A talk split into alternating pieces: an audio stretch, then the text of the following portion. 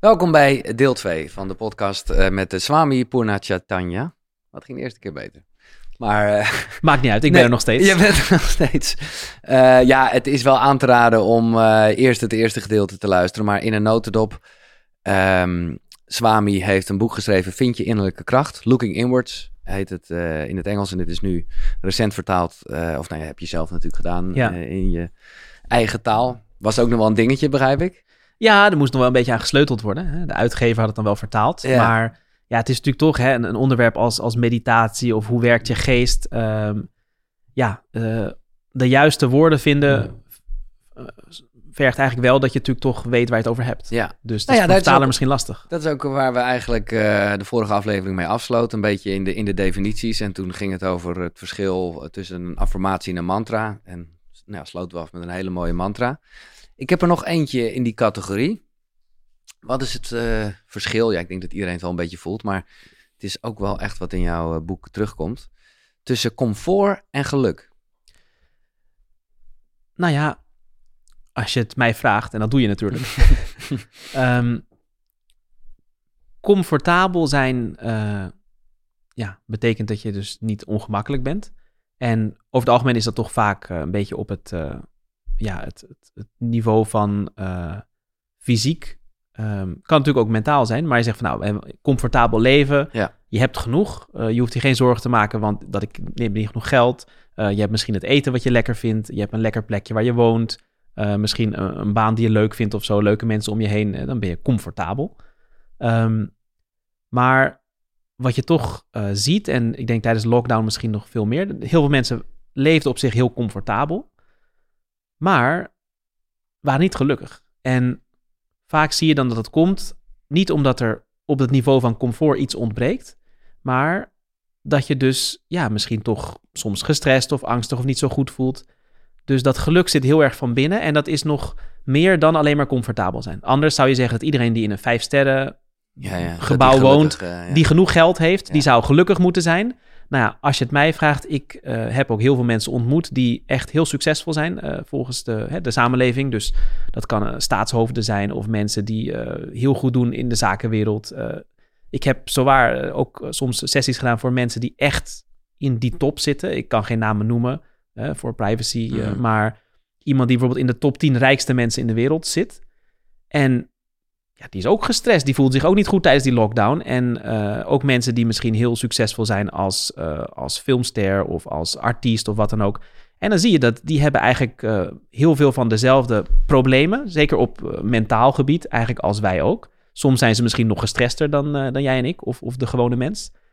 Dus dan zie je dat dat vaak een soort van ja, illusie is in de zin van heel veel mensen jagen het na, omdat je vaak toch het mooie plaatje ziet. Hè? Dat weet jij natuurlijk ook. Uh, uh, social media is niet, niet alles wat er gebeurt en uh, dat zien we tegenwoordig steeds meer. Dus mensen denken, oh, als ik eindelijk genoeg geld heb om daar op vakantie te, te kunnen gaan, of die baan heb, of zo'n partner heb, of wat dan ook. Dan ben ik gelukkig. Dan ben ik gelukkig. Maar ja, dat is dus het lullige. Zelfs als je dat bereikt, is er helemaal geen garantie. Nee. En het mooie is ook dat dat ware geluk dus ook niet daaraan hangt. Dus je kan ook echt gelukkig zijn zonder die dingen.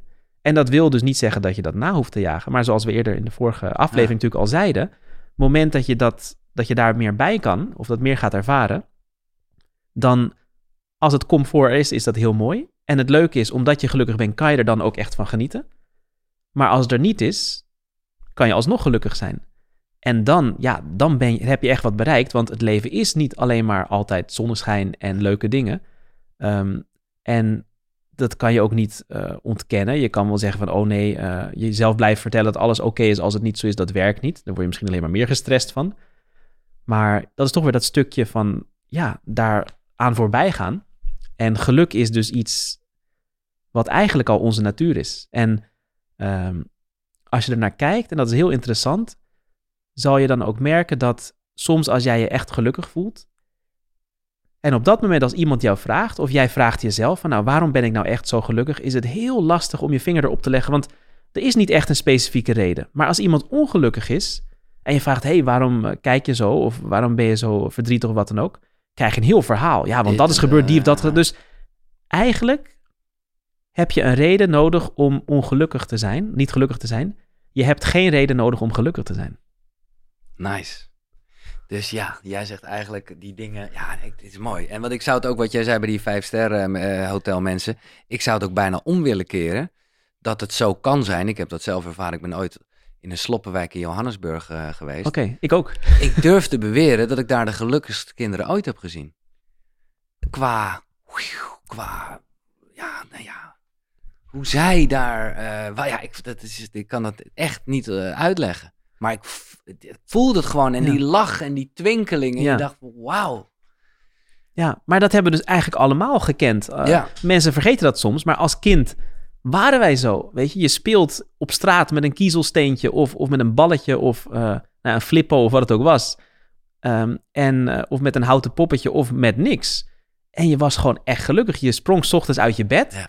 En oh, er was een nieuwe dag. Laten we gaan spelen. Uh, je maakte je geen zorgen wat er misschien volgende week zou gebeuren. Of waarom die persoon gisteren jouw speeltje had afgepakt. Je ging weer net zo gezellig met diezelfde persoon in de zandbak zitten. Ja. Dus we hebben dat allemaal gekend. Het is er nog steeds. Maar hoe kom je daar weer bij? Ik gooi hem nog even erin. Het leven is geen zoektocht naar geluk, maar een uiting van geluk. Nou, dat kan het zijn. Het, dat, precies. Nou ja, maar en dat gun ik iedereen. Ja. ja.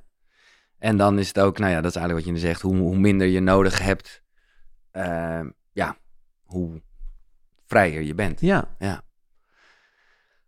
Maar wat ik dan toch. Want kijk, op het moment dat ik uh, even aan jou denk, even in de classic monnik-stijl. Uh, ja, dan, dan krijg ik daar ook wel een soort gevoel van comfort. Hè? In de manier van dat je zit en een soort rust is. Of heb jij ook nog steeds dat jij dus ook wel het oncomfortabele juist opzoekt en de, de, de, de, de, de chaos in je hoofd? Of juist, nou ja, je vertelde dat je s ochtends wel koud doucht. Nou, dat is al per dat, snap je? Het is een beetje, ja, aan de ene kant wil je heel erg rustig blijven. Uh, en aan de andere kant wil je ook het oncomfortabele juist opzoeken. Nou, ik zou niet zeggen dat ik het juist opzoek. Um, het is wel een deel van mijn leven in de zin van, hè, ik, ik heb gekozen om een leven van dienstbaarheid te leiden. En ik heb een meester en ik vertrouw hem helemaal. Dus als hij zegt van nou, het is nu, je kan nu het nuttigst zijn als je naar Afrika gaat. Uh, ga dan dit en dit en dit doen. Dan ga ik naar Afrika. En dan zeggen mensen van, oh, heb je daar dan niks bij in te brengen? Nou, ik kan misschien zeggen van nou, uh, zal ik dit of dat gaan doen? Of, maar ik heb een dusdanig vertrouwen daarin en een, een overgave zou je kunnen zeggen. Mm -hmm. Dat ik dan zeg van nou, dat ga ik doen. En dat is ergens een, een, grote vrijheid. Want dan hoef je dus niet steeds te denken, oh, hoe of wat. Dan heb ik der, daar wel ook heel veel vrijheid hoe ik dat dan ga doen of wat ik ga doen. Maar het is lang niet altijd comfortabel. Maar uh, het mooie is dat wanneer je dat dus, dat, dat, ja, die, die tevredenheid of die, die, ja, die fullness, die volheid of Ja. dat, die compleetheid in jezelf vindt of je zo gelukkig bent, dan is dat eigenlijk dus een soort van uh, innerlijk comfort. En Precies. dan merk je dat je dus zelfs als je dus soms misschien fysiek uh, niet zo comfortabel bent, of zelfs kan het ook soms mentaal, hè, zoals we al zeiden, er zijn misschien momenten dat je niet even bij die vrede kan. Hè, uh, er is een, een, conflict ergens of een hele naar iets of wat dan ook. Maar omdat je, als je dan dus weet, hè, toen we het over in de vorige aflevering over die zon, dus ja, mensen moeten dat wel echt horen Ja, natuurlijk, ja, die zon hadden, omdat je dan dus weet wat jouw ware natuur Ik is zie hem even niet, maar dan ik weet blijft, dat het even, dan blijft het dus niet plakken. En dat is dus een soort ja, next level comfort. Dat je dan dus toch nog comfortabel voelt. Want uiteindelijk is het een gevoel. Ja. En dat is dus dat stukje van het niet meer verbinden aan de situaties of mensen om je heen. Maar dat in jezelf vinden. En omdat dat net dat ene is wat niet verandert, wordt het dus constant. En um, dat is dus niet een, weer een, een soort hele ja, grauwe, platte of, of uh, saaie uh, staat van, van geluk of zo. Het is meer dat je, um, hè, stel je, je gaat naar de kermis en je doet uh, hè, met, met die muntjes schuiven of Ja. zo, wat gokken of, of iets Ja. dergelijks. Of je zet wat geld in in een casino of nou, waar dan ook. Of je doet een spelletje met je vrienden. Ja. Nou, misschien zeg je van jongens, we gaan pokeren. Uh, we leggen allemaal een euro in. Je kan hem verliezen of winnen. Maar je weet, ik heb sowieso nog gewoon uh, geld op mijn rekening staan. Dus het is niet dat daar alles van afhangt. Dus het wil niet zeggen dat je niet, niet daar wil winnen misschien. Maar het is een spel. En soms win je, soms verlies je. En soms ben je comfortabel, soms ben je het niet. Dus dat goed. innerlijke geluk is Ja. zeg maar echt je bankrekening. En dan ga je in de wereld je ding doen. En ja, soms, hè, wij hebben ook soms, dan start ik een project en je doet zo je best en het wordt misschien geen succes, omdat je dat toch niet voor elkaar weet te krijgen om de juiste mensen bij elkaar te brengen of nou, noem maar wat. Ehm, maar dat is dan niet het einde van de wereld. En zelfs het, het, het beïnvloedt niet echt jouw enthousiasme, want je weet, oké, nou, ik heb mijn best gedaan. Ehm, ik ben in ieder geval met iets goeds bezig geweest. Dit keer is het niet gelukt. Nou ja, kijken hoe we het wel kunnen doen. Of kunnen we wat anders gaan doen. Dus je enthousiasme wordt ook niet minder, omdat het niet meer afhangt van het resultaat of wat je bereikt. En is dat iets... Ja, nou, dat denk ik wel, want dat is eigenlijk ook wat eh, de essentie van meditatie is. Dat je voelt... Ja, je hebt het op een gegeven moment over een diamant waar dan wel Ja, wat omheen zit. En dat je dan echt voelt dat die diamant er dus altijd is. Hè? De zon Ja. op de bankrekening, zoals je hem net noemt. Maar is dat iets wat je kan trainen? Want ik denk dat er veel mensen zijn, ik merk dat ook wel vaak in gesprekken.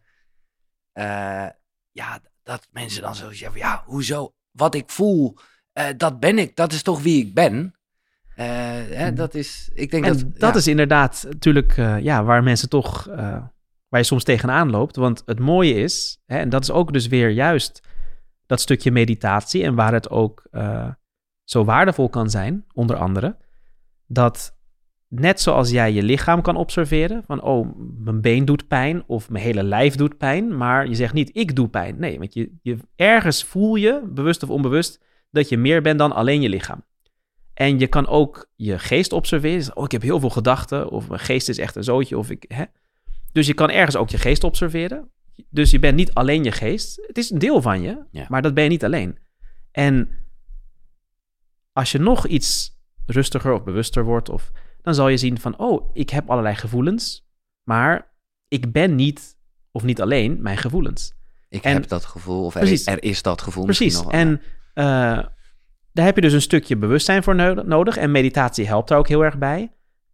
Maar het is dus meer dan alleen zien dat je dus niet alleen je gevoel bent. Het is ook dat stukje ervaren wat je dan dus wel bent. Of wat dat is wat niet verandert.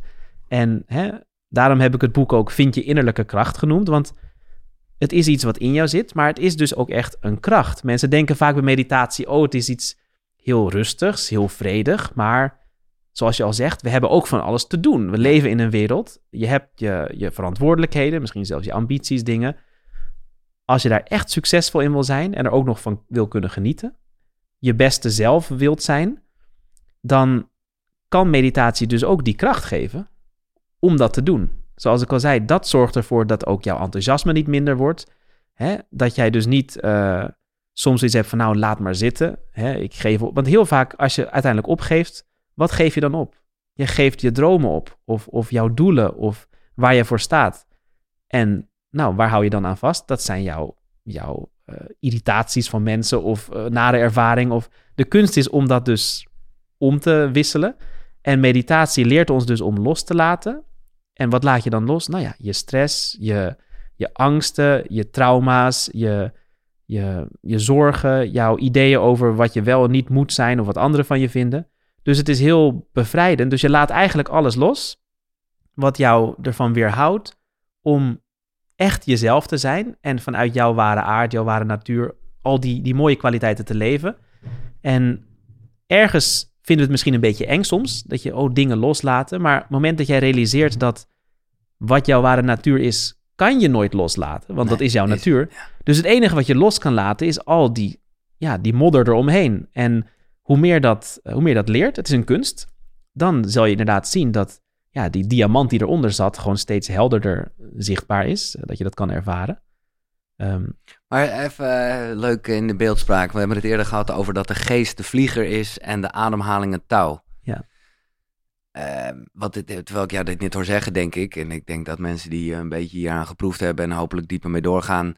eh, nou, mediteren is zeker in het begin alles behalve rust. Want dat kan natuurlijk juist een soort chaos worden. En, ja, je ziet Oh, opeens wat er allemaal niet gaande is oh, van man, binnen. Man, die Chris, precies. Maar zou je dan kunnen zeggen dat wij met z'n allen, dat, dat is de lucht? Ehm, nou, kijk, die, die hele metafoor is Ja. dat een vlieger gaat alle kanten op. Het hangt Ja. maar net af van hoe de wind eh, waait. En onze geest is eigenlijk ook zo. Eh, hè? Of je het nou leuk vindt of niet, hij is all over the place. En iemand hoeft maar een bericht te sturen en dat kan je opeens of helemaal goed laten voelen of het tegenovergestelde. Er kan van alles zijn. Je ziet ergens iets op het nieuws of op straat Ja. of je hoeft maar ergens opeens aan te denken of je iets te herinneren en je voelt je goed of niet goed. Dus het, is, het gaat all over the place. Je hebt daar geen controle over. Gedachten komen op zonder aan jou te vragen. Van hé, hey, je denkt niet, oh laat ik nu hier eens aan gaan denken. Dat gaat vanzelf. Dus, maar net als met een vlieger, als er een, een touwtje aan zit, hè, dan kan jij dus bepalen van nou, hoe hoog gaat die, welke kant gaat die op. Eh, je kan eraan shoren als het nodig is. En onze geest zelf, met onze geest eh, in controle houden, is ontzettend moeilijk. Het is niet Ja. onmogelijk, maar het is heel veel oefening, moeite. En dan nog, hè, soms slaag je erin, soms niet. Dus dat is voor mensen heel lastig. Want hè, daar heb ik in het boek ook over gehad natuurlijk. Ons lichaam en geest werken volgens verschillende wetten. Dus ons lichaam, eh, de wet voor ons lichaam is moeite. Je moet moeite doen als je, weet ik veel, wil trainen, af wil vallen, flexibeler wil worden. Je wil gitaar leren spelen, piano leren spelen. Dan moet je voor oefenen. Je moet moeite doen en dan word je er beter in. Dus we hebben eigenlijk altijd geleerd, als je iets wil bereiken, moet je er moeite voor doen. Maar onze geest werkt tegenovergesteld. Dus als jij moeite gaat doen om, nou ja, je iets te herinneren, dat werkt niet. Dat hebben we allemaal eh, Ja. met eindexamen Ja, wel meegemaakt. Je zit te denken, oh god, ik heb dat geleerd, dat stond ergens. Ja. En als je het net nodig hebt, komt het niet. En hoe harder je nadenkt, dat lukt niet. Je hebt iets naars meegemaakt of je ligt in bed s'avonds, je bent doodmoe, maar dat maalt maar door je hoofd. Hoe harder je denkt, ik wil er niet aan denken, wordt het alleen maar meer. Dus dat is waar veel mensen toch ja, tegen een paal lopen. Zo van, hey, je probeert te mediteren. Je denkt, ik wil nergens aan denken. En hoe meer je denkt, ik wil nergens aan denken, krijg je alleen maar meer gedachten. Dus daar is het juist moeiteloosheid wat werkt. En dat is eh, iets ja, wat meditatie dus kan leren, dat leren loslaten. Maar in het begin kan dat nog heel lastig zijn. En de adem is zo waardevol hier. Ehm, en daarom ook hè, die ademhalingstechnieken waar we het over hadden. Want dan kan je praktisch iets doen. Hè, dat is tastbaarder dan, dan misschien hè, Ja. gelijk al eh, eh, erin stappen. En de adem is verbonden met onze geest. Het is Eigenlijk de, de brug tussen ons lichaam en geest. Dat is het touwtje dus, ja. Dus met de adem kan je dus wel heel makkelijk die geest dan weer nou ja, in het nu brengen of uit die gedachte of wat dan ook. En ehm, dat is dus het touwtje inderdaad. En wat dan de lucht is, ja, dat, dat, dat, eh, dat kan van alles zijn. Maar eh, als we het hebben over de wind dan eigenlijk, hè, wat dus die geest alle Ja. kanten op blaast, dat kunnen mensen zijn, dat kunnen situaties zijn, dat kunnen onze eigen ideeën zijn. Ehm, dat kan zelfs, ja, eh, hè, sommige plekken hebben ook hun eigen energie. Je gaat naar het strand, je voelt die heel anders dan als je, nou, ik noem maar wat, eh, in Centraal Station gaat staan. Ja. Dus Ah, oh, zoveel dingen nog. Maar heel goed. Al- Als we het hebben, eh, dat is toch een term die, ja, nou ja, alleen al het streven, dat is misschien een beetje hetzelfde als wat je net zegt met, met de moeiteloosheid, dat je dat niet moet hebben. Maar er kunnen mensen nogal snel verbezig zijn met verlicht worden. Vind jij, eh, hoe het, ja, wat, is- wat, eh, want ja, jij bent, hè, ik ga nogmaals even je naam benoemen, en, en, en ja, ik denk dat eh, ja, iedereen het wel voelt. Iemand wiens bewustzijn volledig tot bloei is gekomen. En ook dus daarmee bewust worden van die vlieger die er altijd is. Hè? Dat is een beetje de kracht, denk ik. Wat is, nou ja, wat is verlichting? Nou, dat is nou echt typisch zo'n vraag waar ze zelfs al in die oude geschriften over zeggen. eh, dat is een vraag waar je, wat je ook voor antwoord geeft, waar het altijd hetzelfde betekent. Dat klinkt misschien heel wazig, ik zal een voorbeeld geven. Als iemand ligt te slapen en je vraagt aan die persoon, slaap jij? Dan of hij nou ja of nee zegt, betekent dat hetzelfde. Want als hij wel slaapt, zegt hij geen ja. En als hij niet slaapt en hij zegt van, ja, ik slaap, dan betekent alsnog dat hij niet slaapt. Dus of hij nou ja of nee zegt, hij slaapt niet. Nou, en ze zeggen ook, als iemand verlicht is, als je dan aan hem vraagt, ben je verlicht?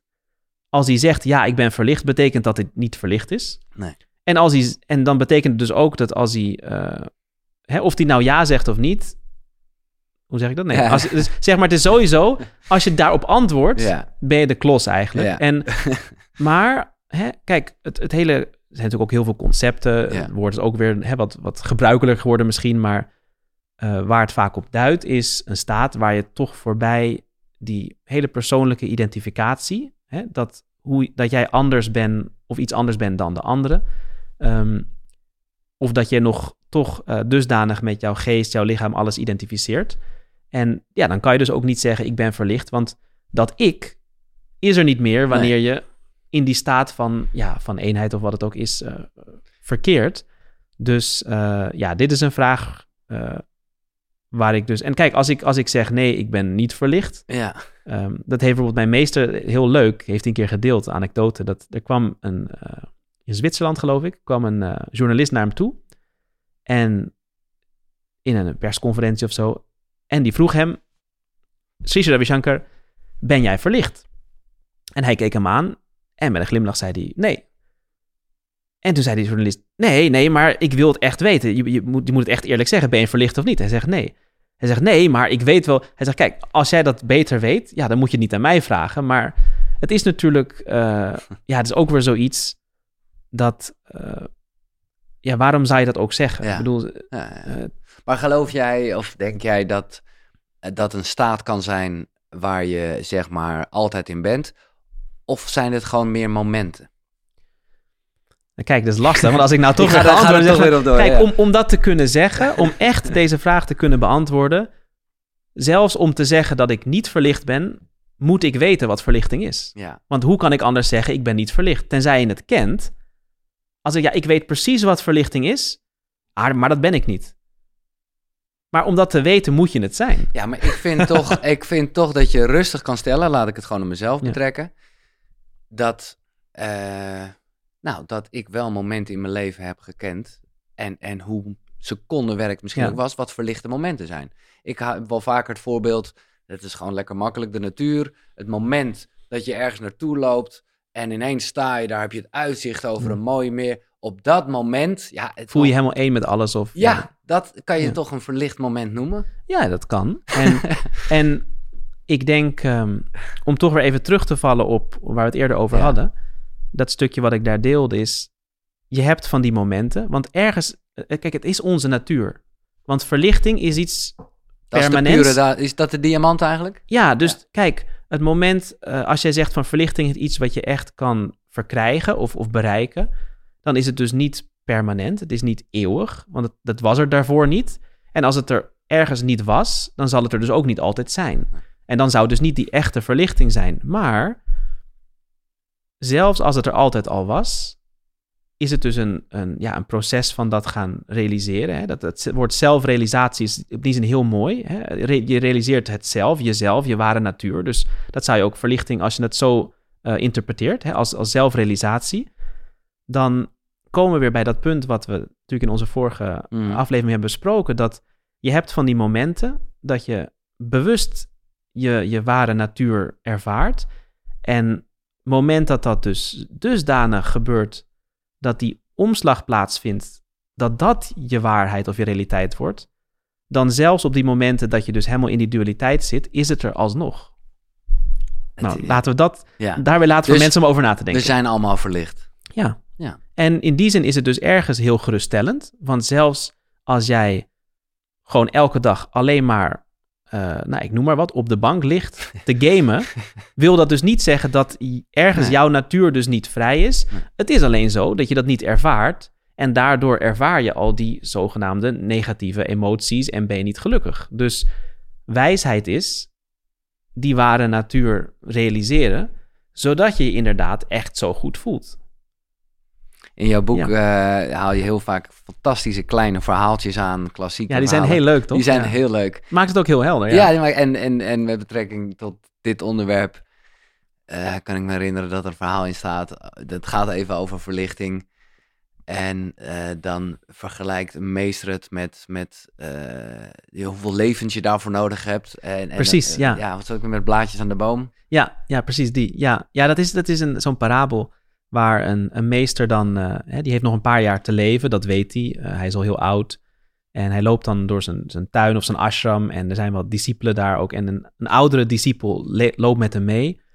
En die is al jaren bij hem in de leer. Uh, en die vraagt dan op een gegeven moment, meester, um, vertel me alsjeblieft hoe, hoeveel jaar of wanneer ik verlicht zal zijn. Want je hebt nog maar een paar jaar te leven, dat heb je met ons gedeeld. En misschien was hij toch een beetje onzeker, zo van, nou, ik ben er nog niet helemaal, dus kan je mij vertellen hoe lang dat nog zal duren? Want hij wil het blijkbaar toch heel graag.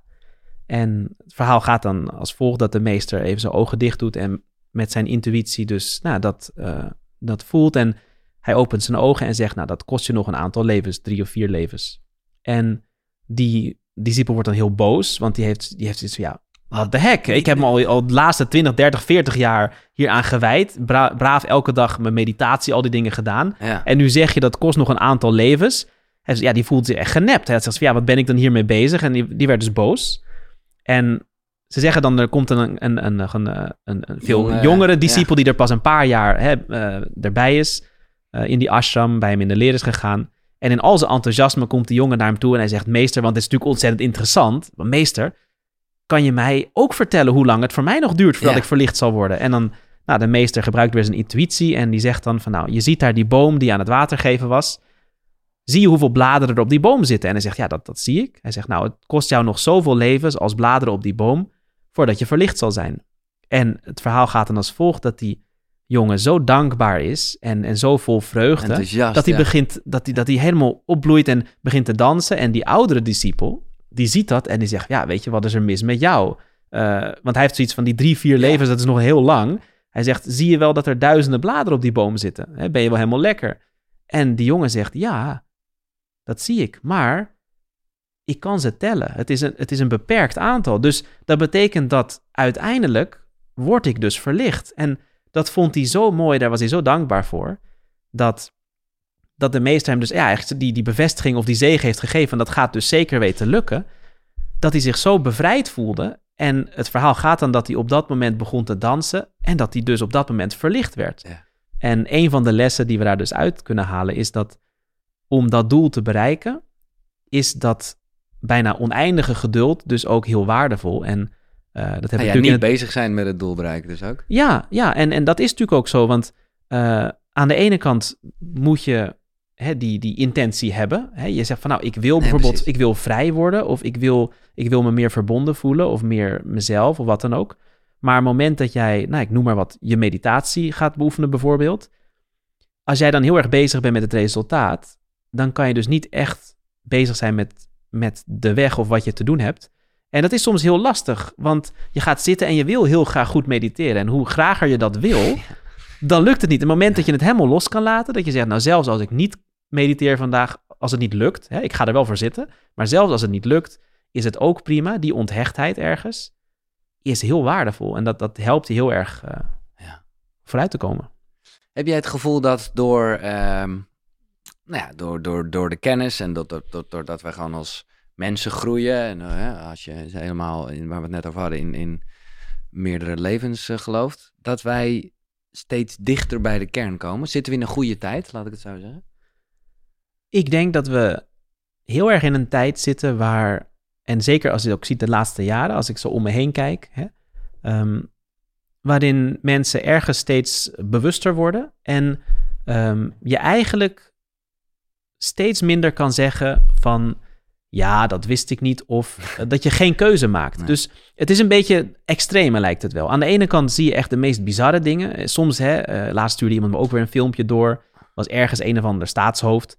En die gaf een speech of een minister of zo. En die zei daar dingen dat je echt zit te denken van... dat je dat überhaupt gewoon in het publiek durft te zeggen. Weet je, normaal zouden mensen zich er nog voor schamen. Van nou, als je, als je dat wil doen, doe het dan in het geheim. Maar gewoon echt openlijk, helemaal daar van, nou jongens, dit en dit en dit. En zo denken we erover. denk je, oh my god. En tegelijkertijd zie je dus ook zoveel mensen die dus ontzettend goede dingen doen. Die echt gaan staan voor waar ze in geloven. Want ja, de meeste mensen zijn goed. Uh, mensen hebben een goede intentie, maar dat is dan zo van, nou, je zit in je huiskamer, je denkt inderdaad van, zo zou het moeten, of daar ben ik het mee eens, maar je doet daar niks mee. En het lijkt wel alsof je steeds meer die keuze niet meer hebt. Van, het is of het een of het ander, maar je kan er niet meer tussenin blijven zitten. En kijk, we leven in een, in een dualiteit, een wereld vol uh, uh, um, ja, tegenstrijdige ja, waarden. ja. Dus die zullen er altijd zijn. Maar ik denk dat het, uh, dat het zeker een hele mooie tijd is, omdat, nou, zoals we bijvoorbeeld ook nu al zien, hè, als we het alleen al hebben over bijvoorbeeld nou yoga, meditatie, al, al die dingen, dat hele stukje spiritualiteit. Uh, het is veel toegankelijker, het is veel uh, beschikbaarder eigenlijk. En het wordt, het wordt ook zou ik zeggen, eigenlijk ergens steeds praktischer. Mhm. in, in, de, in de jaren zestig en zo, hè, die hele hippie movement, was ook heel erg vanuit liefde en iets goeds doen, maar het had nog niet echt een ruggengraat. Het was een beetje airy-fairy, weet je, flower Ja, power. ja. Je ziet nu dat ook, en ook gewoon met onderzoek, dat, dat er gewoon ja. heel veel wetenschappelijk onderzoek is dat inderdaad, wat ze misschien vroeger gewoon afschreven van, ah, dat is allemaal heel wazig of esoterisch of dit of dat. Van ja, verrek, eh, ademhalingstechnieken, meditatie, mindfulness, zoveel voordelen. Nu ook met mantra's komen er weer steeds meer dingen naar boven van, oh, dat heeft een bepaald effect op je zenuwstelsel, op je hersenen, op wat al niet.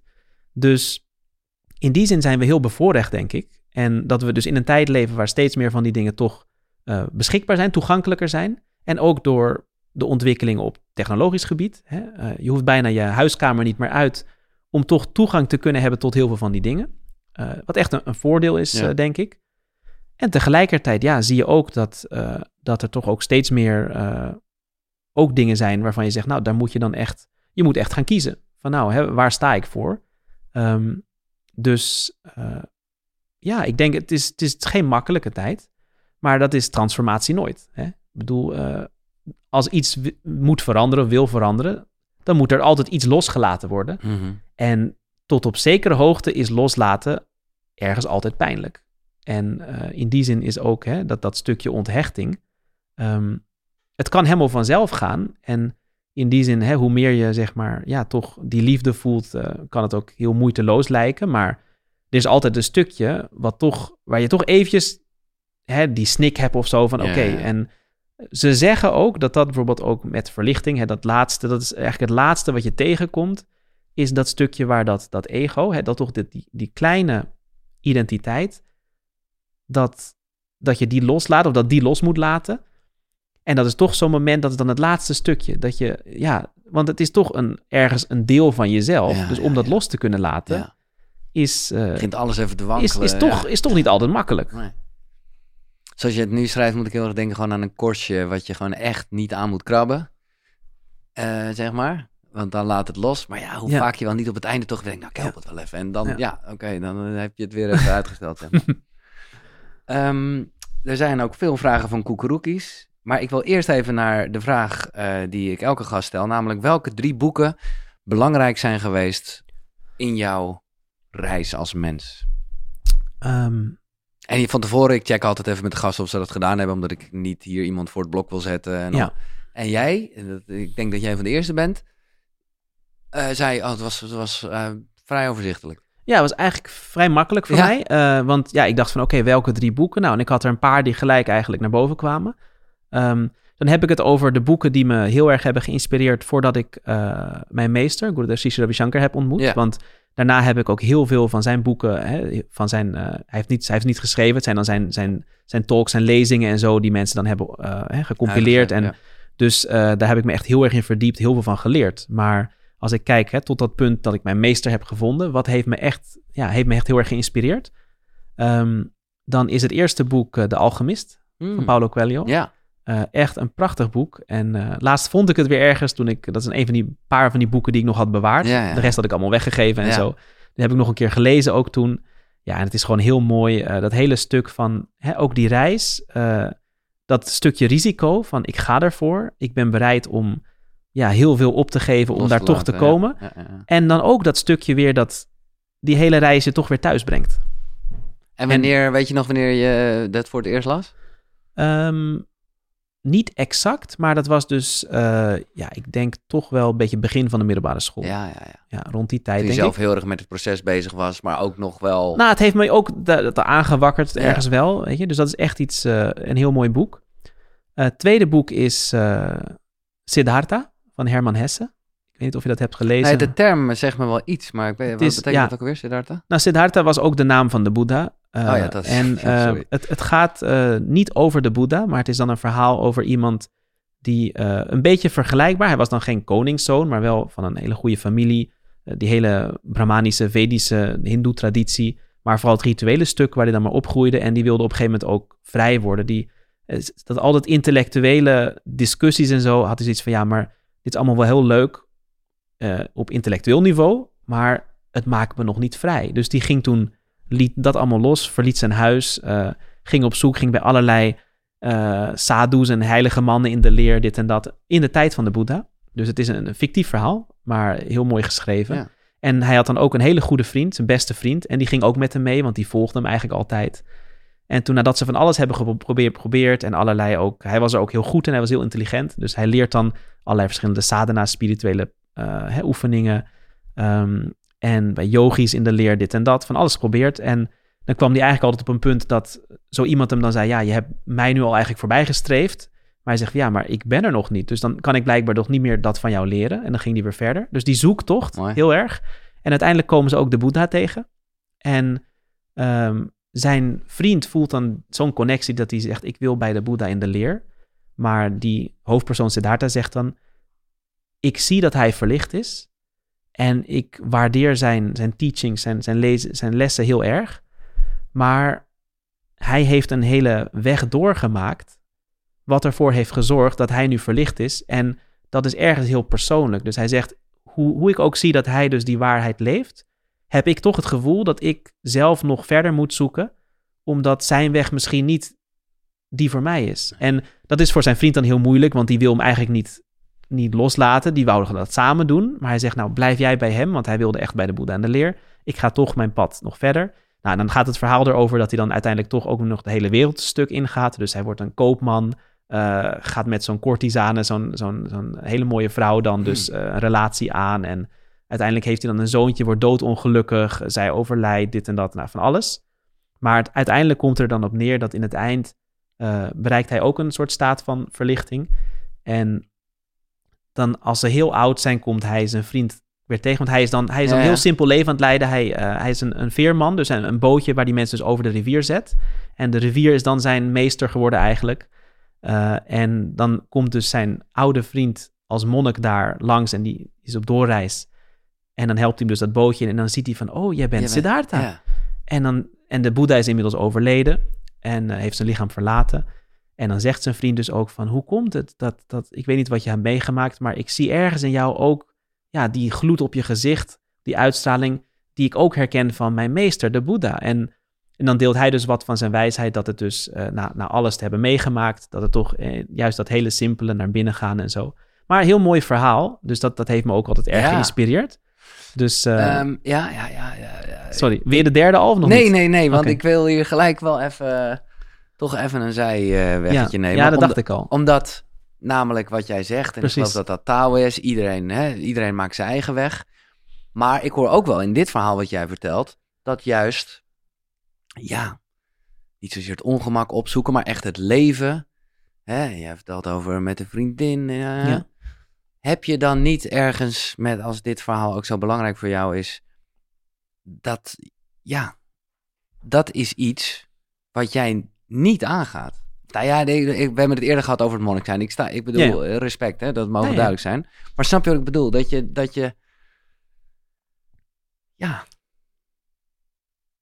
dat je toch niet, ja, kijk, in essentie zijn we als mensen gemaakt, voel ik ook steeds meer, van ja, toch voor, voor, voor voortplanting, voor het stichten van een gezin. En dat is, ja, of zie je dat anders? Nou, kijk, dat is natuurlijk helemaal deel van onze natuur. Ja. Ehm, wat ik heel mooi vind, bijvoorbeeld ook in de, in de Vedische traditie, daar hebben ze dus eh, ook een, ja, een bepaalde manier hoe je zeg maar ook tegen het leven aan kan kijken. Waar ze zeggen eigenlijk de eerste 25 jaar, het eerste kwartaal zeg maar van je leven, of 20 jaar, Ja, ja, ja. tegenwoordig, hè, de, hoe, hoe oud wordt iemand, maar dat eerste Mhm. kwart zeg maar, die, dat is een tijd van, van leren, van studeren, leren over ook eh, hoe je je leven kan leiden, hoe je in de samenleving eh, kan functioneren, hoe je kan bijdragen, Ja. je vak leren, al die dingen. Ja. Hè? Dus zeg maar, nou, tot, tot en met je studie. En dan het kwartaal daarna is het deel van je leven waar je gaat bijdragen. Dus je gaat werken, je gaat je eigen gezin stichten. Ehm, je draagt bij aan de samenleving. Dus hè, je, je verdient, je, je, je besteedt, je, je bouwt dingen, je doet dingen. Eh, na, die, na dat kwartaal zijn jouw kinderen weer opgegroeid. Dus die zijn dan, gaan dan zelf, zeg maar, worden Ja. deel van de samenleving. Eh, en dan doe jij een stapje terug waar je, ehm, zeg maar, eh, gaat bijdragen op een meer eh, ehm, dienstbare manier. Dus je gaat dan jouw ervaring en kennis delen. Dus, nou, wat heb jij allemaal geleerd? Dat ga je delen. Iets teruggeven aan de samenleving eigenlijk. En het laatste kwartaal is dan dat je je gaat richten op jouw, eh, ja, jouw, jouw, jouw vrijheid, jouw innerlijke vrijheid, jouw verlichting, zeg maar. Dus dat derde stuk is nog in de samenleving. Ja. Eh, en dat laatste stukje was het dan traditioneel dat je bijvoorbeeld echt eh, de jungle intrekt of de bergen of naar een ashram of een klooster of iets dergelijks. En je puur richt dat je nog alle verlangens of afweer of wat je allemaal nog in je hebt, dat je helemaal leeg wordt, zodat je ook echt helemaal vrij eh, je lichaam kan verlaten. En dat is dus heel mooi. Ja. En het bijzondere is dat ze daar ook al in, in aangaven dat dit is eigenlijk eh, ja, de, de, de standaard of nou, ideaal is een groot woord, maar, Nee, maar gewoon de manier om door het leven te gaan. En dat je als je dat doel ook wil bereiken, is van alles heeft zijn plek. Hè? Maar ze zeggen ook, in sommige gevallen kan je dus ook één of meerdere van die stappen overslaan. Omdat er soms toch mensen zijn waar je zegt van nou, eh, dat is blijkbaar voor jou niet nodig om, om dat eh, te doorgaan. En het, het, het eindpunt is hetzelfde. Ja. Maar je hebt dus ehm, mensen die bijvoorbeeld zeggen, nou, na dus in de leer te zijn geweest en dus dingen hebben geleerd, kan je ook direct al of dienstbaar gaan. Dat je zegt, Ja. ik wil mijn leven in dienst stellen van de samenleving. Of je helemaal richten op je verlichting of dat al realiseren.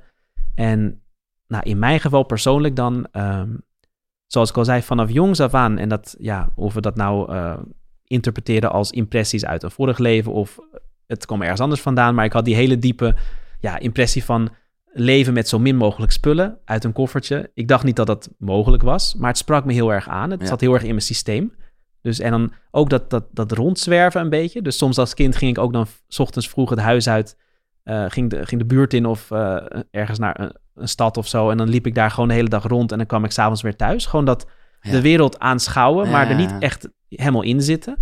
Ehm, en ook dat stuk dus, ja, toch je leven eh, in dienst stellen van een, een hoger doel of de samenleving of mensen helpen.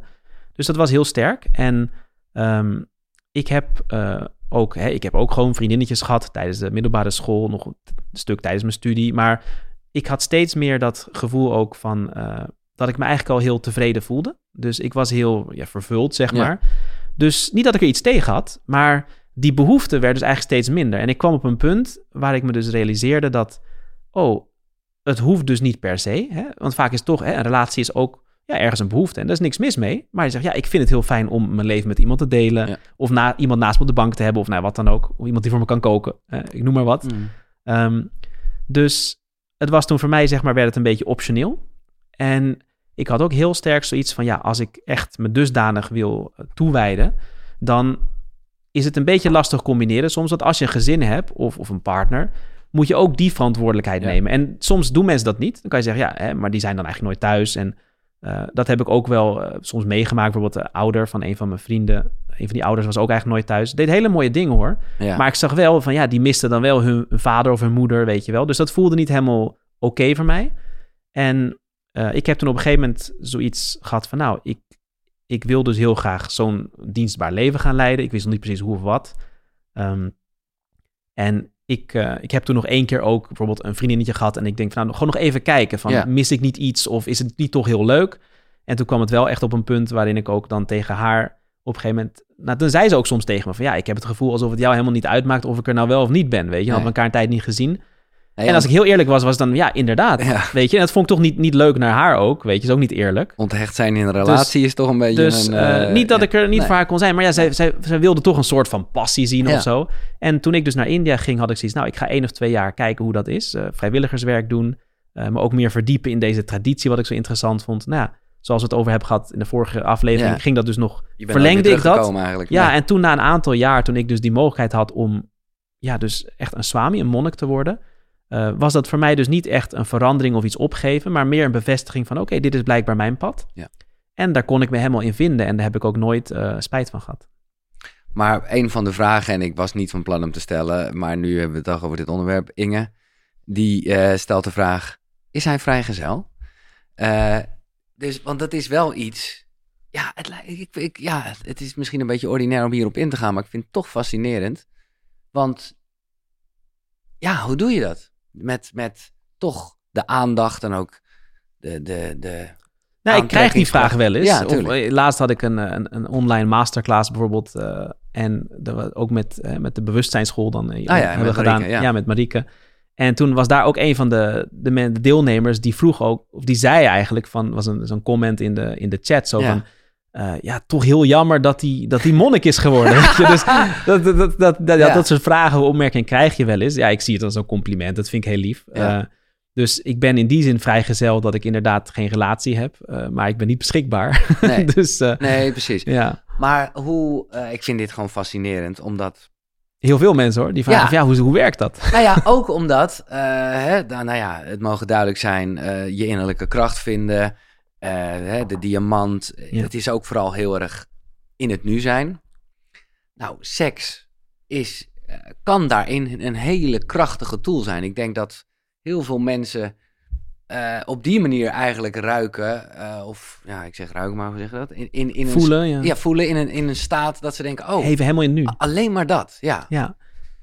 Nee, precies. Het is een van de, een van de krachtigste, ja, zeg maar, nu-ervaring kan je zeggen. Eh, ook omdat het een van de meest, eh, ja, de meest diepe eh, neigingen of, of, of eh, hoe zeg je dat? Een soort oer... Ja, instinct, wat is het ja. woord? Instinct is Ja. eigenlijk zijn. Hè? Zijn zeggen in de, in de geschriften ook, er zijn drie dingen. Dat zijn de, de meest oerinstincten eigenlijk. De, de, de diepste impressies. Eén is eten, die behoefte om te eten. Want ja, anders, anders overleef je niet. Wat, wat je ook voor dier bent. Ja.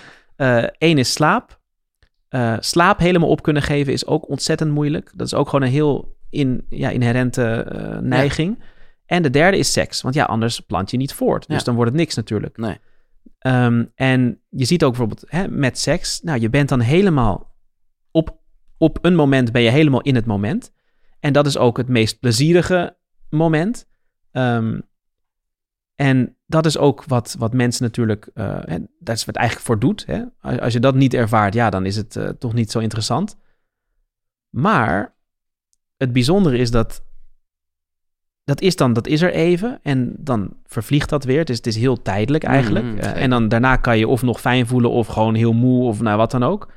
Maar als je echt bewust wordt, zal je zien dat niet alleen seks, maar eigenlijk al je zintuigen, als je die, die peak experience hebt, dat je echt, dat iets heel fijn is even. Dat kan ook dat je iets heel lekkers ruikt Ja. en je neemt het even helemaal in je op. Of, of je proeft iets wat ontzettend lekker is, of je kijkt naar hè, een prachtig meer of, een- of een zonsondergang of wat dan ook.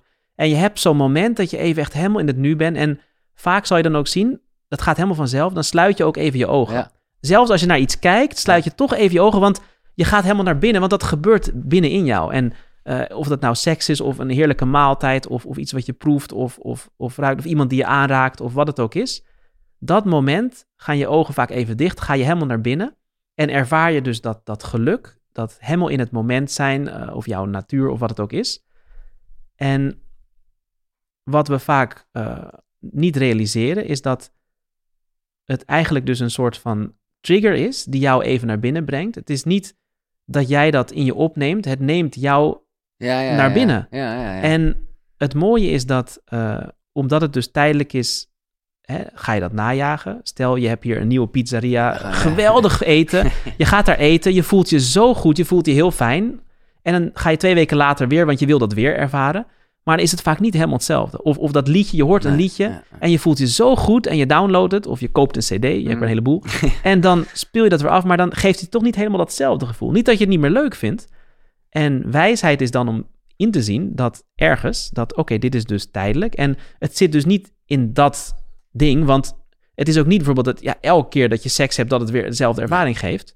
Dus op een gegeven moment ga je inzien van oké, het is dus iets wat me helpt om naar binnen te gaan, of Om bij mezelf te brengen, of helemaal in het nu. Het is de helemaal spiegel in die de diamant laat zien.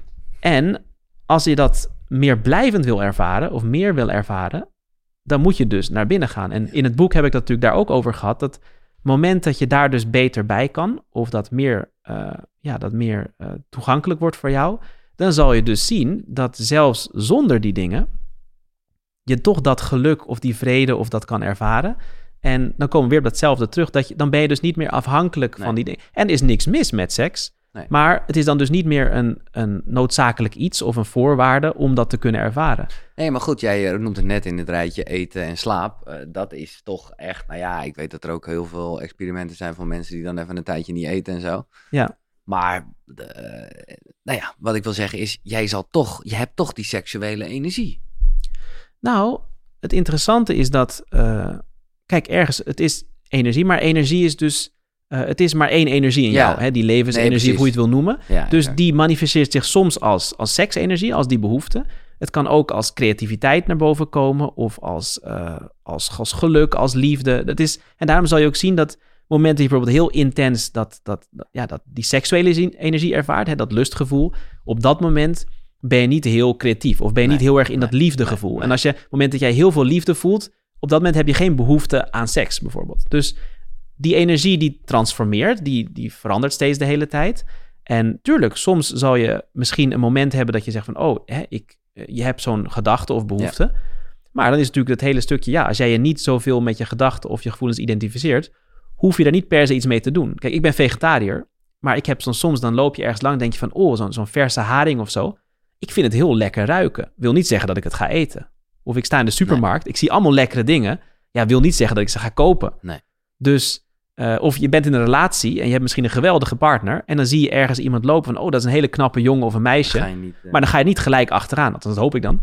Maar, dus het is gewoon, hè, tuurlijk, het is deel van jouw natuurlijke cycli. Maar ja, wat je er dan mee doet, eh, is een ander verhaal. En zoals ik al zei, je merkt toch dat, ja, ergens, eh, en dat bedoel ik helemaal niet eh, vervelend of, of denigrerend, maar hoe, hoe ja, verfijnder eigenlijk jouw zenuwstelsel wordt, dan merk je dat dus, ja, toch een heel deel van die behoeftes gewoon steeds minder worden. Ja. En dat is heel natuurlijk, dus daar hoef je ook helemaal geen moeite voor te doen. Het is net als dat als jij wat bewuster wordt van ja, dat het eten wat je eet ook een impact heeft op hoe je je voelt, fysiek, mentaal, eh, dan ga je vanzelf steeds meer toch de dingen eten waardoor jij je lekkerder Ja. voelt, omdat je dat voelt. Eh, om maar een voorbeeld te noemen. Nee, nee, helder. En ja, ik ben gewoon nieuwsgierig in deze, omdat ik het gewoon heel mooi vind dat hoe mag best. is, want kijk, ik neem aan dat je wel gewoon, eh, ja, misschien, ik weet niet of ik dat gelijk tantra dan moet noemen, maar ik kan me wel voorstellen dat jij, ja, ja, je, bent- je hebt wel gewoon juist verbinding met mensen. Ja, ja. Dus ik neem toch wel aan dat je iemand bent die, ja, veel knuffelt en, eh, eh, Nou, veel is een groot woord. En oké. sommige, mensen, sommige mensen willen een knuffel. Nou, Ja. dan, doe ik helemaal niet lullig over. Dan ga ik niet zeggen van, oh, hè, blijf, blijf op een Oké, afstand. maar, nee, maar, hier, maar het is, eh, zelf voel je niet echt die behoefte. Of, of... Nou, ik ben, ik ben heel gelukkig met mezelf. Ja. Dus eh, soms denk ik ook, eh, als ik dan reis, dan logeer ik bijvoorbeeld bij iemand thuis. En dan tussen de programma's door heb ik dan bijvoorbeeld een paar uur. En dan eh, hebben ze me een, een kamertje gegeven. En dan soms is het van, oké, dat is dan de kamer van het zoontje. Of iemand die dan even zijn kamer afstaat. Dat ik daar kan logeren. Heel, heel lief natuurlijk. En dan soms heb ik wel eens dat mensen dan bijvoorbeeld bij mij komen van... hey, heb je nog iets nodig? Of dat ze in die kamer erbij komen zitten. Want ze Ja. hebben zoiets van, ja, anders is hij maar alleen. En dan moet ik soms een beetje uitleggen... ja, maar ik vind het heerlijk om even alleen te zijn. Ja. Gewoon, want ja, ik ben mijn eigen, zeg maar, beste eh, gezelschap. Maar, maar ook bijvoorbeeld tantra, omdat je dat even Ja. noemde... is, eh, is dus een veel bredere wetenschap eigenlijk... waar seks dus maar één Absoluut, van de... nee, eh, ja. ja. nee, maar dat is wel interessant misschien voor mensen om te weten. Dat, het is dus, ja, die technieken. Tantra betekent letterlijk techniek. Eh, de verschillende technieken, hoe jij eh, weer helemaal in het nu kan komen en dus jouw ware natuur kan ervaren. En eh, dat kan dus door allerlei ervaringen. Dus eh, zoals ik al zei, dat kan ook of het nou eten is, of dus het is waar jouw, zeg maar, eh, ja, impressies veel sterker zijn. Dan kan je zeggen van nou, daar kan je dus ook dan doorheen en eraan voorbij gaan om te realiseren dat daarachter ook weer jouw natuur, dat ware innerlijke geluk, huist. En er is dus ook, hè, ook seks is, is een deel. En dat is natuurlijk in het Westen beetje, kennen mensen vaak ja, tantra ja. als seks en een Ja. soort spirituele seks. En dan, eh, maar het hele idee daarachter is dus juist ook om uit dat, eh, ja, een beetje dat, eh, dat lagere, een beetje banale, animalistische benadering van seks, dat het dus juist iets heel moois kan zijn. En hoe je dus steeds meer, ja, toch gaat ervaren dat het dus inderdaad die energie is. En eh, dan wordt dat steeds bewuster en dan kan het een heel spirituele eh, ervaring worden. En dan kan je dat dus, die spiritualiteit, dus deel, maken, deel uit laten maken van alles wat je doet. Of je Ja. nou je eten eet, Ja. of je werk doet. Of het is dus eigenlijk eh, ja, een, techniek van hoe breng je die twee dimensies bij elkaar. Want mensen denken toch vaak spiritualiteit is apart en dan heb je je gewone leven. Ja, ja, ja. Terwijl ware spiritualiteit is juist je leven gaan leven op een bewustere manier. Waar jij je meer Dus op je gemak ook, nou, voelt. jij zegt het net even eten. Eh, volgens mij zei Ja, hoe ervaar je dat? Eet als je eet. ja, Wees precies. daarmee bezig. In Ja. plaats van dat je nog eh, gewoon echt... Ja.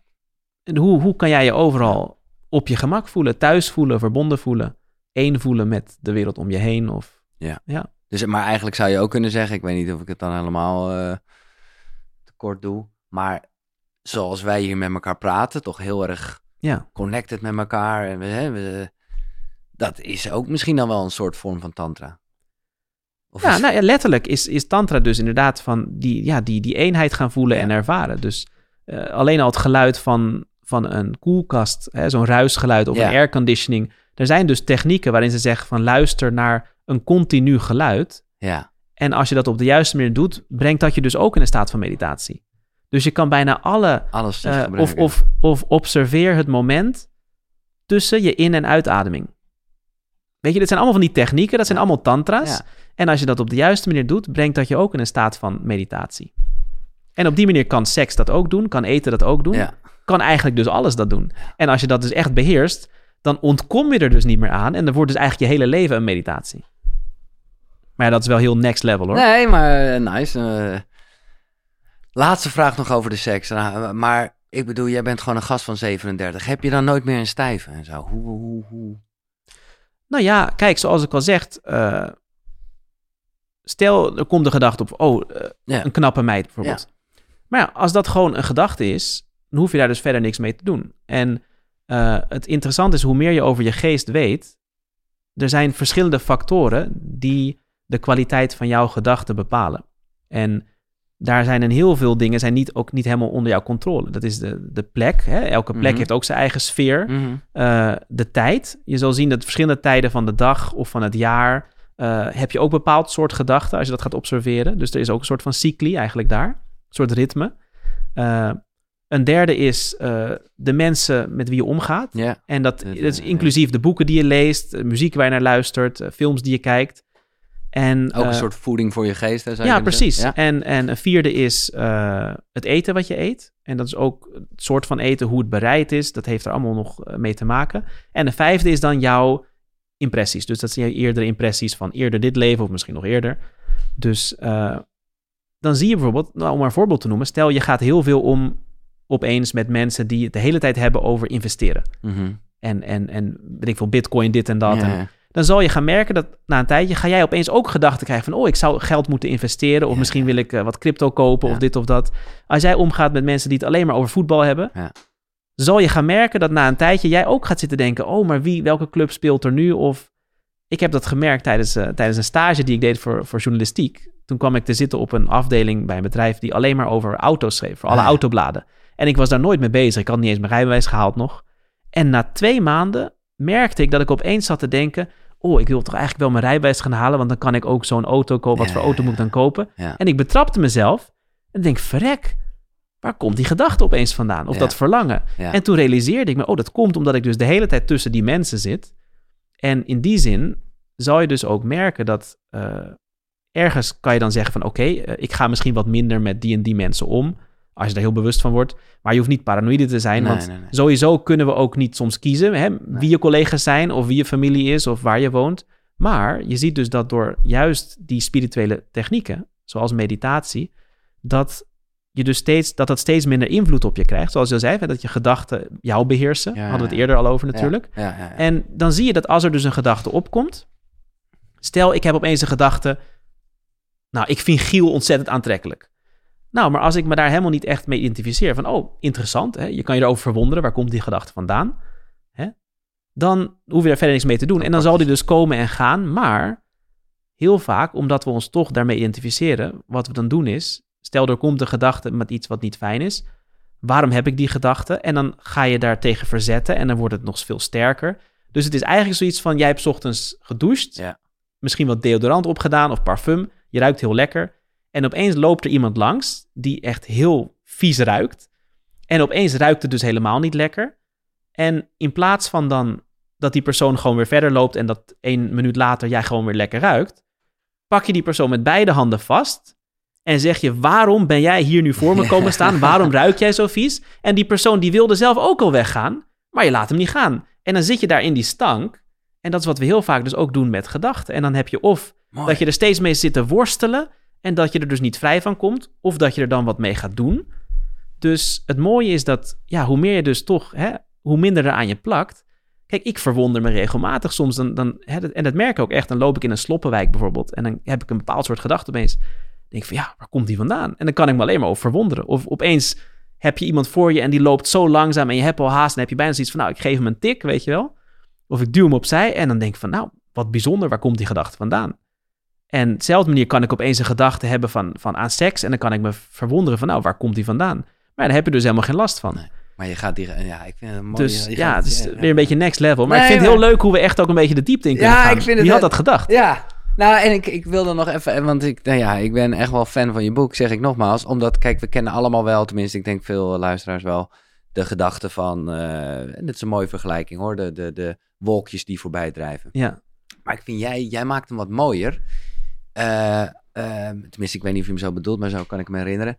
Als gol, eh, met, met golven in de oceaan. ja, En wat ik daar zo fijn aan vind, is met de lucht misschien ook wel, maar is dat er, je weet gewoon, dat is niet de zee. Dat, ja. Het, is, het is echt puur de oppervlakte. ja. En die golf, of die nou wat hoger of lager is, die komt op uit die oceaan. Die verdwijnt er weer in. Ja, Hij is nooit apart van de oceaan. Maar die diepte van die oceaan en die wijsheid, die is onaangetast. En ja, het moment dat jij dus inderdaad voorbij dat stukje oppervlakkige gedachten en gevoelens en zo gaat... en je steeds meer gaat realiseren van jij bent eigenlijk die oceaan... ja. dan, kan, nou, dan kunnen er golven komen of niet. Maar dan heb je daar dus heel weinig last van. Ja. En dat, dat raakt je dus dan ergens ook niet. Ja, dat geeft gewoon heel veel vrijheid. Nou en ja, stabiliteit. En ook andersom, dat je dus ook weet dat als je, tegen, hè, als je de golven probeert eh, Ja, te kalmeren, ja, dan wordt het alleen maar woeliger van ja, natuurlijk. precies. Dat is eh, Ja. echt mooi eraan. Oké, het eh, derde boek. Oh ja, ja, we, hebben er twee eh, gehad. ja, we nou, de er derde, gehad. autobiografie van een yogi. Ja. Oh ja. Van eh, Paramahansa Yogananda. Ja. Ja, dat is ook echt een boek. En dat heb ik gelezen ehm, na mijn middelbare school. En voordat ik naar de universiteit ging. Ik heb een, een tussenjaar genomen, want ik was nog aan het uitzoeken wat ik wilde gaan studeren. Ja, ik moest zelf betalen, dus ik had zoiets, het moet wel echt iets zijn waar ik helemaal achter sta. Want ja, dat was gewoon heel veel tijd, geld, werk. Ehm, en uiteindelijk heb ik zes maanden gewerkt toen eh, in een bibliotheek hier in Haarlem, Stadsbibliotheek. Nice, ja. Super cool, want eh, ik werkte daar al op zaterdag sinds twee jaar. Ze hadden een nieuw initiatief dat eh, scholieren konden dan, middelbare, middelbare scholieren konden dan ja, boeken weg gaan zetten en zo een beetje ook de jeugd erbij betrekken. Maar ja, het was een ambtenarenbaantje, dus en dan ook nog op zaterdag, dus ik kreeg heel goed betaald. Dus dat was echt gewoon cashen Ja. voor, voor, voor mij toen. ja. Daar heb ik heel veel van mijn, mijn meditatiecursus en zo ook van betaald. Oh, wow. Ehm, en toen heb ik gevraagd van, nou jongens, ik ga een tussenjaar doen. Kan ik een paar maanden nog wat langer hier werken? En dat kon toen. Een super luizig baantje, misschien leuk om te weten. En dan zat ik achter een bureautje en mijn eh, belangrijkste verantwoordelijkheid was... er waren vijf computers waar mensen dan het je internet konden gebruiken. opzoeken. Och, man, ik ben En- er zo vaak En dan kon je dan een half uur boeken, Ja, ja, weet je wel, ja, op internet. Eh, en dat moest ik dan coördineren, daarmee helpen en tussendoor wat andere boeken wegzetten. Maar het meeste van de tijd zat ik dus achter mijn bureautje en had ik een grote kop warme chocolademelk. En dan zat ik daar gewoon, ja, te genieten te zijn van het niks hoeven. Hè? Middelbare school, je moet nog soms examens doen, studeren. En dat hele stuk van, nou, het is 9 tot 5 en dan ben ik dus klaar. Geen huiswerk, geen niks, niets.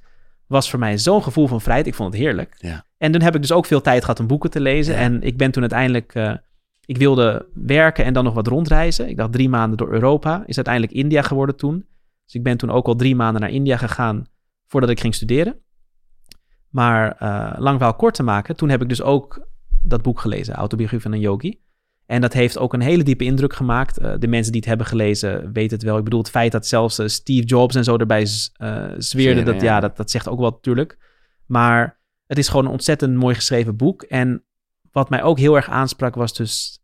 en het is ook een van de, ja, de centrale thema's daar... is die hele persoonlijke, diepe en onvoorwaardelijke ja, relatie of liefde... tussen een, een discipel en een meester. En hoe een, een spirituele meester dus ook hè, een leerling ja, eh, ja. begeleidt. Eh, Oh, niet zo. zozeer alleen direct, maar Nee. ook dus door ervaringen eh, en of het nou technieken zijn of, of andere inzichten. Ehm, en ook dat hele mystieke aspect, want hij vertelt ook over heel veel ja, mystieke ervaringen die hij heeft opgedaan op zijn reis. Ehm, en eh, ja, dat heeft ook nog meer, zeg maar, een beetje die dorst aangewakkerd van en ik wil meer leren over meditatie en die tradities van yoga en mantra's en hè, dat hele Indiase Vedische, eh, dit eeuwenoude tradities. En ook eh, het, het, het zoeken. Ik, ik had dus al toen mijn meester gevonden, maar ik heb van nou, om, om, om op zo'n manier zeg maar dit pad te bewandelen, ook waar je dus dat stukje persoonlijke begeleiding Ja. en Echt dat meerwaarde daarvan. Ja, ja. maar ook dat stukje mystieke, hè, van er is zoveel meer te ervaren dan die standaard wereld waar we in leven. Er zijn zoveel subtielere eh, niveaus van je bewustzijn en, en al die dingen. En ik heb eh, dus misschien als een, als een leuke, eh, hoe zeg je dat, voorproefje, of dit is dan, Ja. je hebt het hier het eerst, gehoord, primeur, het ja. eerst gehoord bij, bij Koekeroe Ja, is dat dit boek, Vindt die innerlijke kracht, of Looking Inward dan in het Engels, ehm, ben ik gaan schrijven omdat ik door Penguin werd benaderd, de uitgever in Ja. India. Eh, ze hadden een heel breed idee, dat heb ik toen uitgewerkt. Ze dachten van, nou, kan jij een boek schrijven wat mensen kan helpen om met een veranderende wereld om te gaan, meditatie introduceren, al die dingen. Eh, en ik heb toen gezegd, wil ik best proberen. Ik heb dat eh, uitgewerkt, ze vonden het geweldig, dus dat is toen dat hele boek geworden. Maar ik was toen al bijna klaar met het schrijven van wat eigenlijk dus mijn eerste boek is. Ehm, en dat is mijn, eh, ja, eigenlijk mijn reis, mijn autobiografie. En vooral dat spirituele aspect dus. Mm. Omdat mensen toch heel vaak ja, heel benieuwd zijn naar mijn verhaal. Ja, en zoals je ja, ook van alles wil weten. Ja, En ehm, dat dacht ik eerst van, dat ga ik ooit schrijven als ik al oud ben. ja. Want eh, dat doe je dan. Hè? Dan kijk je terug op je leven. En toen, ja, mensen hebben me over de jaren heel vaak gevraagd van je hebt zoveel mooie eh, avonturen, ervaring, of het nou met militanten in de jungles is, of, of een spirituele ervaring in een tempel, of dit of dat, of, Ja. of een meesters Tutu die, eh, ja, jou, eh, die mijn boek nog heeft gelezen. Ja, en, en ik heb nog eh, ook allerlei wijze spirituele meesters ontmoet en zo.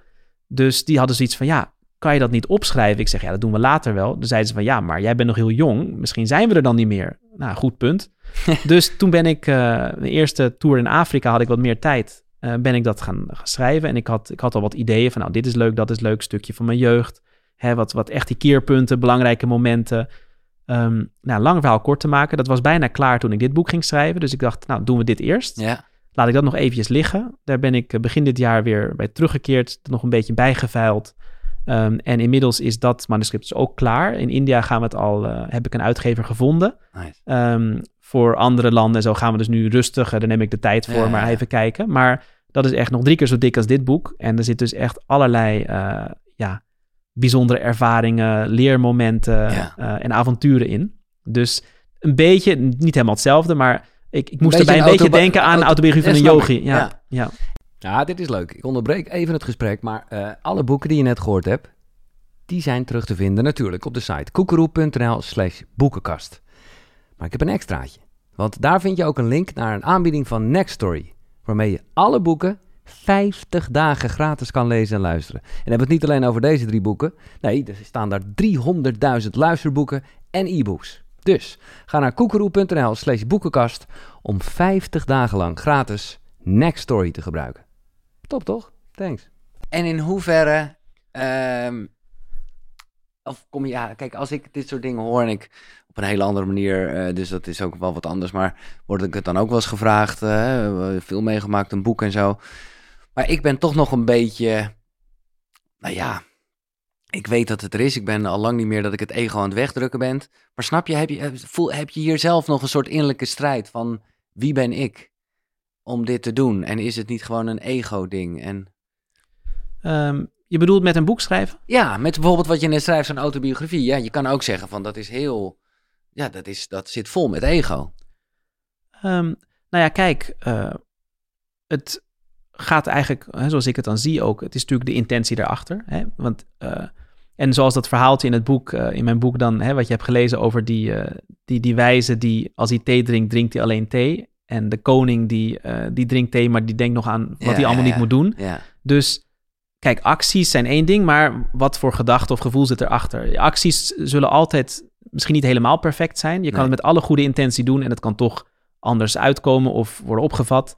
Maar ja, die intentie is belangrijk. en Eh, daar vind voor- jij dan ook de rust voor in mij- om daar... ja, kijk, voor mij, top. ik, ik had nooit echt het idee dat ik zo'n boek zou moeten schrijven. Mensen hadden zoiets van, nou, doe dat alsjeblieft. En met dit boek, dat is misschien ja, eh, wel vrij persoonlijk, maar leuk om te weten. Het heeft echt een paar maanden geduurd nadat het was uitgekomen in India, voordat ik me er comfortabel bij voelde om ook tegen iemand te zeggen van, hey, dat moet je lezen. Want Ja. ik had zoiets, ja, wie ben ik om tegen iemand Ja, te zeggen dat dat, dat, dat moet je lezen of dat moet je kopen. Ehm, maar, dus dat was ook een heel leerproces. Eh, Maar ehm, ik merkte wel dat, en daardoor werd het ook steeds makkelijker, dat het inderdaad heel veel mensen hielp. Of Ja, ze nou al ja, met meditatie bezig waren of gewoon iets zochten om met hun, hun stress om te gaan of wat dan ook. En ja, dat is natuurlijk toch ook eh, waar ik mijn leven, in mijn leven mee bezig ben. Van nou, hoe kan ik mensen helpen? Ik kan ook op een berg gaan zitten mediteren. Nee. Maar je wilt toch, eh, en dat komt ook denk ik vanuit dat stukje verbinding. Want Ja. als jij je toch verbonden voelt met mensen en ze toch ergens ziet misschien als een deel van jou of, of als iets dat bij jou hoort of, of om wie je geeft, ja, dan, dan hoef je daar niet over na te denken. Dan wil je ze gewoon helpen. Ja. Een moeder denkt niet na van, oh, als er kindje omvalt, van ik pak hem op, weet Nee. je. Dan gaat ze niet denken, oh, ik, ik ben dienstbaar naar mijn kind omdat Nee. het is omgevallen. Mooi. En eh, voor dat boek dus ook. ehm, ik heb zoiets van, ja, het, het is nog een manier om mensen te inspireren. Ja. En ja, ik, ik bedoel, ik heb gewoon heel veel mensen die elke keer weer naar me toe komen. En die hebben allerlei problemen. Ja. En ik denk van, ja, ik kan niet iedereen helpen en ook niet overal mee. Nee. Maar in de mate waarin ik dat kan doen, zal het voor die persoon toch weer een wereld van verschil kunnen zijn. En, En, dat uiteindelijk moet je het inspireert zelf mij. doen. Ik bedoel, het is als iemand de weg vragen en jij bent in dit geval letterlijk een gids Ja, die, nou ja, eh precies. Dus, eh. En in die zin, kijk, het, omdat ik het dus eh, vanuit die hoek doe, heb ik ook gemerkt. Dan is er ook, ja, heb je dus ook helemaal niet zoiets van, oh, het moet per se een succes worden. Nee, of, nee, nee. eh, nee. of ik moet eraan verdienen. Of ja, want ik leef uit een koffer, dus dat is heel makkelijk. Ja. Dus dat hele stukje, wat onrust wat er soms bij komt kijken, dat, dat, dat sla je dan over. En dat maakt het toch nog plezieriger. ja, Het is wel heel leuk hoor, creatief. In Ja. de zin van ook weer iets hè, creëren. Ja, dus ja. eh, ja. nice. We gaan echt, eh, want ik vraag veel van je tijd, maar ik vind het machtig mooi. We gaan nog naar de vragen van de koekeroekjes die binnen zijn gekomen. Ehm, ik ga weer heel even plassen en dan gaan we naar het laatste gedeelte. Top. Ja, ik zal je zeggen, voor mij persoonlijk heeft het, heeft, het al heel veel. eh, nou ja, en daar, ja, dat zei ik net al, die gesprekken eh, voer ik in eerste instantie omdat ik zelf gewoon nieuwsgierig ben. Ja. En alles wat je, dat, dat heeft me nu al veel gedaan. Waar ik echt denk, ja, ook met de verwijzing daarnaar, eh, een beetje korter de bocht waar je omgaat, word je mee besmet. Wat je vertelde over de Bitcoin en zo. Wat tegelijkertijd wel aangeeft dat we dus best wel in een. eh, nou ja, heftige wereld leven, hè, qua media. Ja, waarbij je dus wel de hele tijd juist Tuurlijk. besmet wordt met dat soort dingen, waardoor Ja. dat helemaal ontwricht is, eh, denk Ja. ik. Maar goed. Daarom je, hè, de Boeddha had, had die drie die dingen. De, Ja. de Boeddha, dat is de meester. En eh, de Dhamma, dus de Dharma, dat is dus de, de, de, teachings en zo. En de Sangha. Want ja, dat is dus die, die community, die, de mensen om je heen, heeft, heeft, kan ook ondersteunend werken. Maar ja, Ja. als, als dat wegvalt, dat Ja. stukje support, is, kan het ook heel lastig zijn om, om Ja. toch... Daarom vind ik het zo leuk, hè? Dus als eh, mensen zoals jij, van, je, je, hebt toch een soort van community, hè? En, en daarmee ondersteun je mensen. Dat, je, nou, dat je zegt tussen alle nonsens door, heb ik in ieder geval hè, mijn koekeroe moment bijvoorbeeld, om toch weer eventjes eh, terug te komen bij waar het om gaat. Ja. En, en dat is toch hard nodig.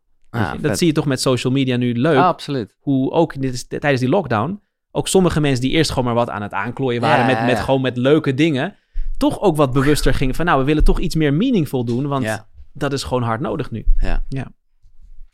Ah, thanks man. Top. Oké, we gaan naar de vragen. Dit is vrij random, want dat gaat allemaal door elkaar. Eh, laat ik beginnen met een hele praktische vraag. Fatima, komt Swami dit jaar naar Portugal? Ehm, als ik heel eerlijk ben, ik zou eerst eh, eind mei al teruggaan naar India. Ja. En dan misschien van daar weer naar Afrika. Ja. Eh, ik heb mijn meester Sri Ravi Shankar in Berlijn ontmoet eh, vorige maand. Hij was daar voor wat programma's op weg naar Amerika. En toen hebben we even overlegd, want ja, hij is toch echt mijn baas in die zin. Daar ben ik heel dankbaar voor. Hij begeleidt mij in die zin direct. En toen hebben we even overlegd en toen zei hij van nou, hè, het gaat hier heel lekker. allemaal goede programma's. er is nog meer vraag. Dus hij zegt, blijf nog wat langer in Europa. Dus nu ben ik tot eind juli nog in Europa. Ehm, ik ga in juni nog eventjes naar eh, Denemarken, Engeland en Duitsland. Voor een heel aantal programma's daar. En dan in juli ben ik weer hier. Gaan we ook in Nederland nog wat, eh, bijvoorbeeld Oké. hè, die Sudarshan Kriya cursus Ja. gaan we doen in Amsterdam Oh, eh, nice. begin juli. En nog wat andere programma's gaan we plannen. En dan moet ik dus even kijken als mijn meester dan, dan ga ik met hem checken of hij Ja. wil dan, want hij gaat nog naar Afrika in augustus. Dus hij zegt, hij ging me nog laten weten of ik dus dan eh, ook eh, daar nodig was. Als dat niet zo is, dan is het dus de vraag, kan het zijn dat ik weer naar India ga of eh, ergens anders heen. Of misschien dat ik nog wel langer in Europa ben. Ehm, en als dat zo is, misschien kom ik ook nog wel naar Portugal. Ja. Dus wat ik zou zeggen, hou een oogje op mijn website. ja, precies. En zodra dat vaststaat, komt het op mijn website te staan. En dan ben je van harte welkom. vind ik alleen maar leuk om mensen te ontmoeten. Nice, en dat is mooi voor de mensen die dit... Ik probeer het altijd zo tijdloos mogelijk te houden. Dit gaat over 2022. Maar Oh ja, eh, de- precies, de, ja. website die eh, ik Die zal er in de blijven beschrijving zal zetten. Precies, daar staat ook eh, wanneer je dit hoort. Eh, Janne. Nou ja, ik laat er gewoon de vraag... eh, het is precies eh, waar natuurlijk het boek over gaat. Maar wat betekent innerlijke kracht voor jou? Ehm, nou, we hebben het natuurlijk al uitgebreid over gehad. Ja. Maar als ik het een klein beetje kort door de bocht zou moeten samenvatten, is het eh, ja, de kracht. Dus, dus die, de, de, de energie of de, de ruimte of de, nou, wat je ook nodig hebt om dingen te doen, die je binnenin je kan vinden. En hier wat, wat, waar je, om, waarom je die innerlijke kracht zou moeten vinden. Hè, want je kan er er zijn ook andere, je kan het ook buiten jezelf zoeken. Maar, en wat natuurlijk ook in het boek elke keer weer terugkomt, is de wereld om je heen verandert elk moment. En alles waar je op leunt buiten jezelf kan dus elk moment wegvallen. En dat zorgt dan voor dat je uit balans raakt of, of ongemakkelijk voelt of wat dan ook. En het mooie van die innerlijke kracht is dat dat dus een bron is die niet verandert. Dus daar kan je een blijvende en on, eh, eh, houvast vinden of support. ehm, die dus, ja, wat er ook om je heen gebeurt, onaangetast blijft. En dat is dus een kracht of de kracht die eh, blijvend is. Dus ja, als je slim bent, intelligent bent, dan ga je natuurlijk voor iets wat, wat blijvend is, Oh, want dat ja. is een safer bet. Ja. Sandra, is er ook aandacht voor de gevaren van meditatie? En ik, ja, dit komt gewoon allemaal... Ik heb geen idee over welke gevaren zij het heeft. ja, dat is natuurlijk dat is, dat is heel specifiek. Eh, het is dus lastig om een, eh, een specifiek antwoord te geven op een vraag die heel Algemeen is ja. algemeen is. Ehm, ik weet dan natuurlijk niet precies over welke gevaren zij het specifiek heeft.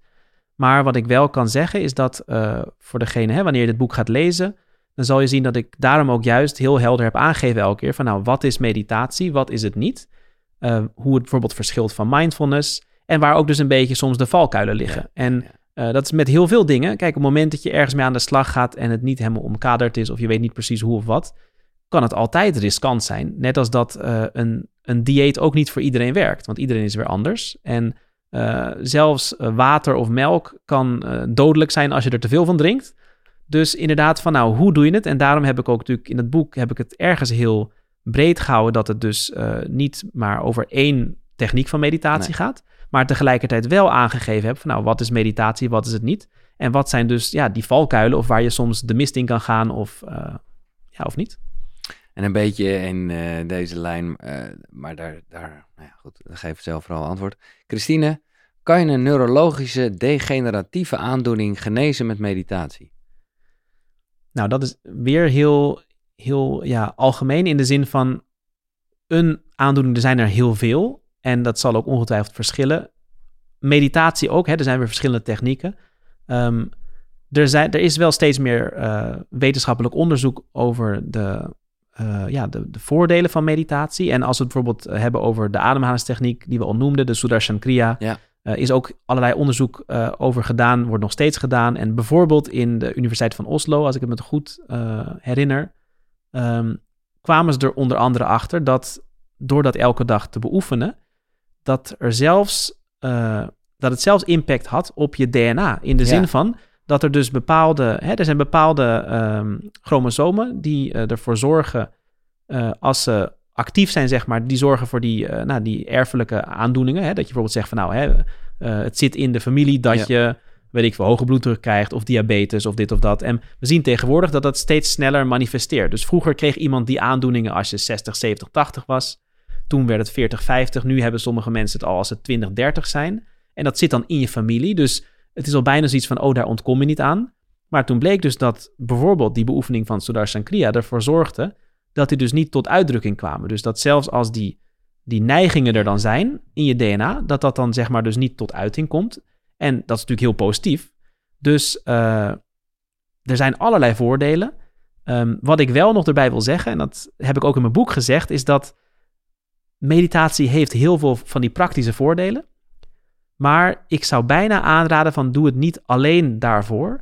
Want wat je dan krijgt is dat je zegt van oké, als ik me dus beter voel bijvoorbeeld. Stel ik ben uit mijn depressie. Ja.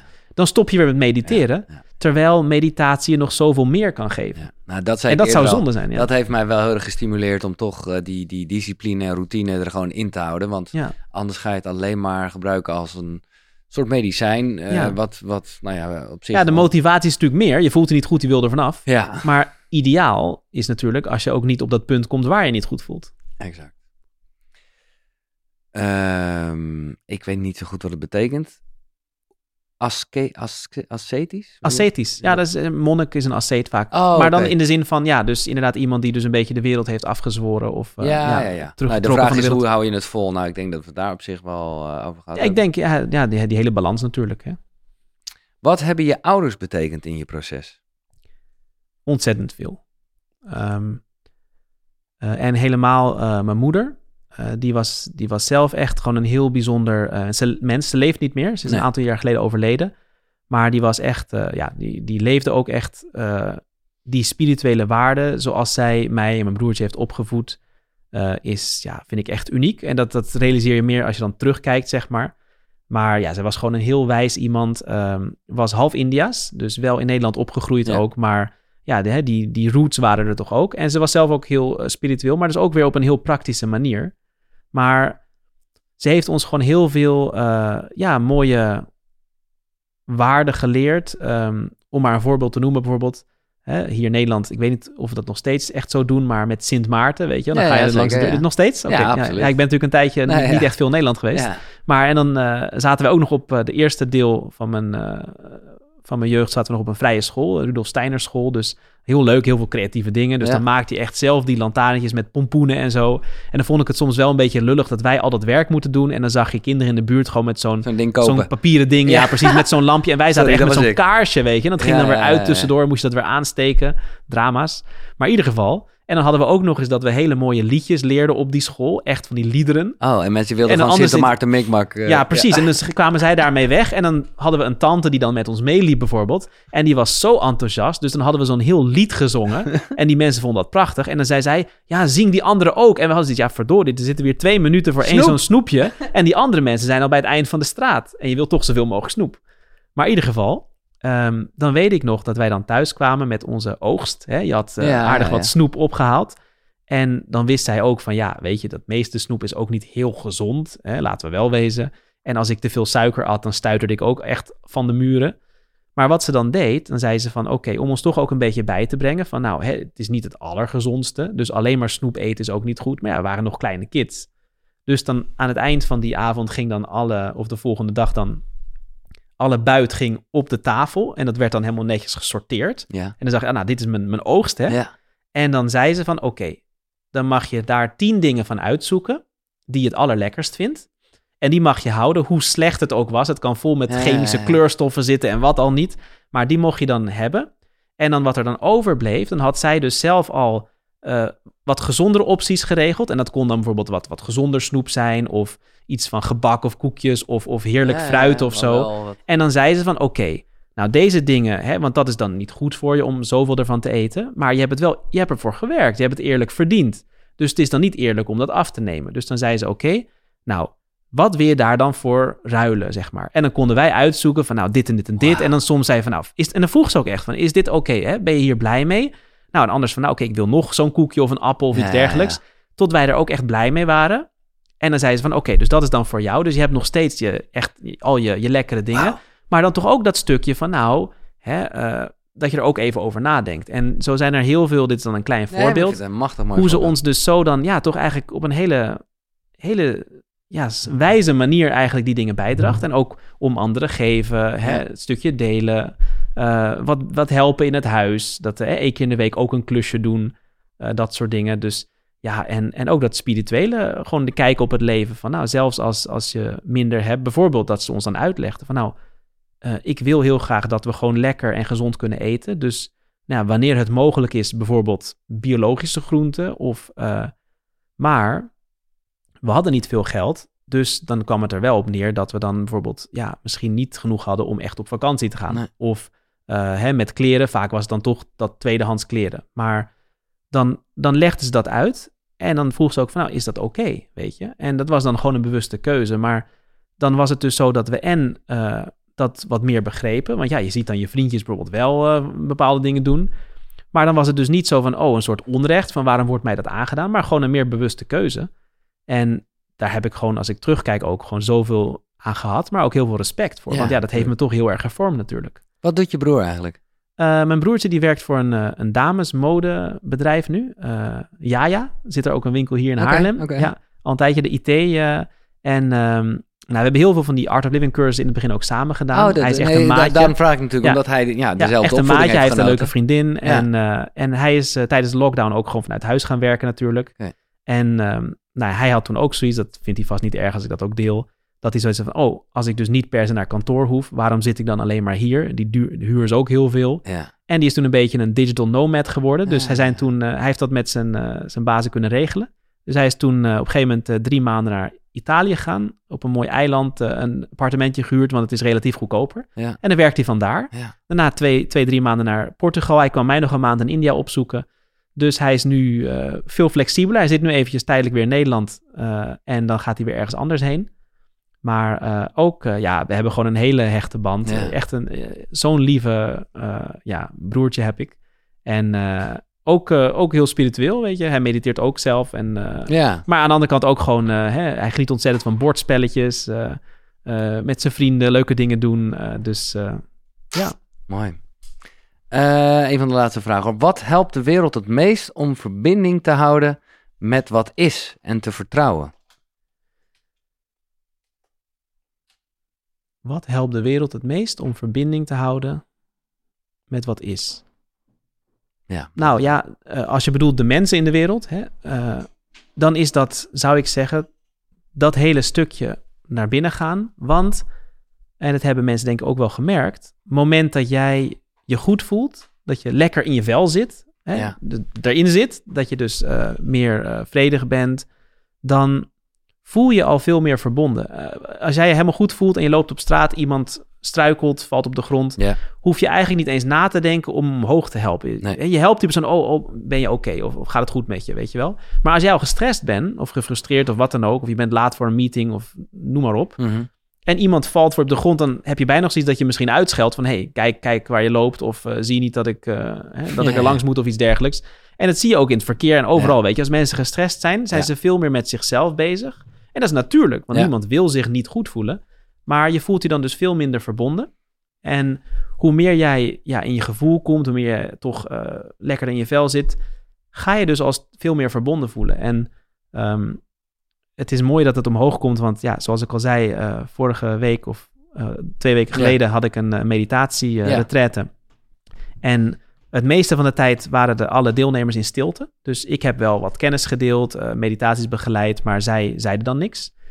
En aan het einde, de laatste dag, vroeg ik iedereen om ook een beetje hun ervaring te Mm. delen. En wat heel bijzonder was, was dat eigenlijk het, het, het meest centrale thema wat daar naar voren kwam, is dat bijna iedereen deelde dat ze, want heel veel mensen deden het voor de eerste keer, dat was heel leuk, echt een, een nieuwere groep zeg maar. Ja. En die zeiden dat ze het zo verbazingwekkend vonden dat ondanks het feit dat ze dus helemaal niet hebben gesproken of, of zelfs hebben ja, geïnteract, dus met mensen hebben om, omgegaan, want iedereen was toch, hè, je bent dan in stilte met jezelf, dat ze zich aan het eind zo verbonden voelden Oh, met iedereen. ja. En dat was dus omdat ze zich ook veel meer verbonden voelden met zichzelf. Nee, dat ken ik van die Vipassana-week, waarbij ik, nou ja, eh, alsof het vrienden voor het leven zijn geworden. Precies. En ik heb ze letterlijk niet of nauwelijks gesproken, misschien op Precies. het eind even. En dan zie je dus ook dat dat hele, ja, toch een concept van, Ja. Van moeten praten om te communiceren, is allemaal zo eh, ja, relatief of oppervlakkig. Soms verbind je nog veel meer in stilte. Maar ja, om stil te kunnen zijn, moet je je eerst ook echt comfortabel voelen met jezelf. Ja. En dan zie je dus ook hoe meer jij je op je gemak voelt met jezelf, hoe meer je je ook op je gemak voelt met anderen. En hoe meer anderen zich ook op hun gemak voelen met jou. Ja. Nou, om nog even één vergelijking te trekken die je in het boek maakt met betrekking tot meditatie, dat het ook een soort schoonmaken is. En we weten allemaal hoe opgeruimder het is, hoe schoner Ja. het blijft ook en hoe meer overzicht Precies. je hebt. En dat is eh, waar dit over gaat. Is dat misschien ook gelijk het antwoord op de vraag die ik vraag, vaak stel, hoe train je intuïtie? Nou, intuïtie, hè, als, als ook in het Engels, intuition is, zoals mijn meester dat één keer heel mooi uitlegde, tuition from inside. Dus het is iets, een inzicht of een les of, of wijsheid of kennis of wat dan ook, wat van binnenuit komt. En Ja. dat, is, dat is intuïtie. Ja. En je hebt heel veel wijsheid in je. Jouw, jouw wezen is heel wijs, om het maar even zo te zeggen. Maar als er te veel ja, rotzooi Ruis, zit ja. of ruis zit, dan komt dat lang niet altijd eh, echt helder door. En dat zal je dus inderdaad ook merken, dat hoe meer je ja, mediteert, hoe meer je van binnen leger wordt, schoner wordt, eh, hoe meer ruis eruit gaat en al die onnodige stress en verlangens en, en weerstand en wat al niet, impressies, dat dus inderdaad die intuïtie steeds helderder wordt, steeds eh, ja, duidelijker doorkomt. En dat is ergens heel mooi, want dan wordt je leven ook ergens eh, een stukje makkelijker. Ja. En, en dat klinkt misschien ook, ik weet niet of dat weer te, ja, te abstract klinkt, maar je gaat ook steeds meer voelen dat je dus ook ergens gedragen of geholpen wordt. Dat je dus niet alleen bent in de zin van het is niet alleen jou, er is een, een veel groter, ja, universeel bewustzijn of hoe je het wil noemen. En daar ben jij een deel van, maar het is ook niet een, een eenrichtingsverkeer dat jij je soms verbonden voelt of niet. Dat, dat zorgt ook voor je. En dan zie je dus ook steeds meer een beetje die ongeziene hand, zeg maar, Ja. die unseen hand. Dat Ja. op het moment dat jij zoiets hebt van, oh, er komt een gedachte omhoog van, oh, ik heb dit nodig of ik wil dit doen, dat het dus ook meer op je pad komt.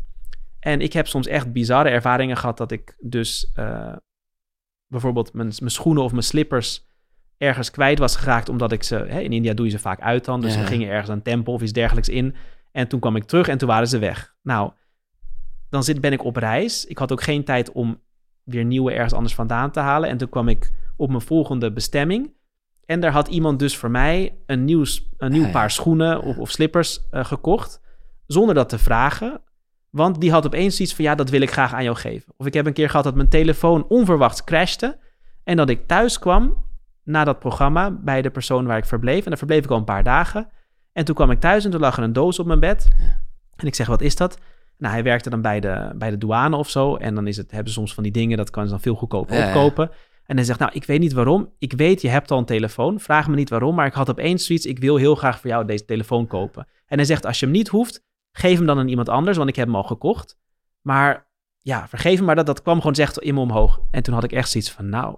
En toen zei ik van, nou ja, je geloof het of niet, maar nu net toen ik in dat programma Ja. zat, hield hij er helemaal mee op. Dus ik kan er nu niks mee.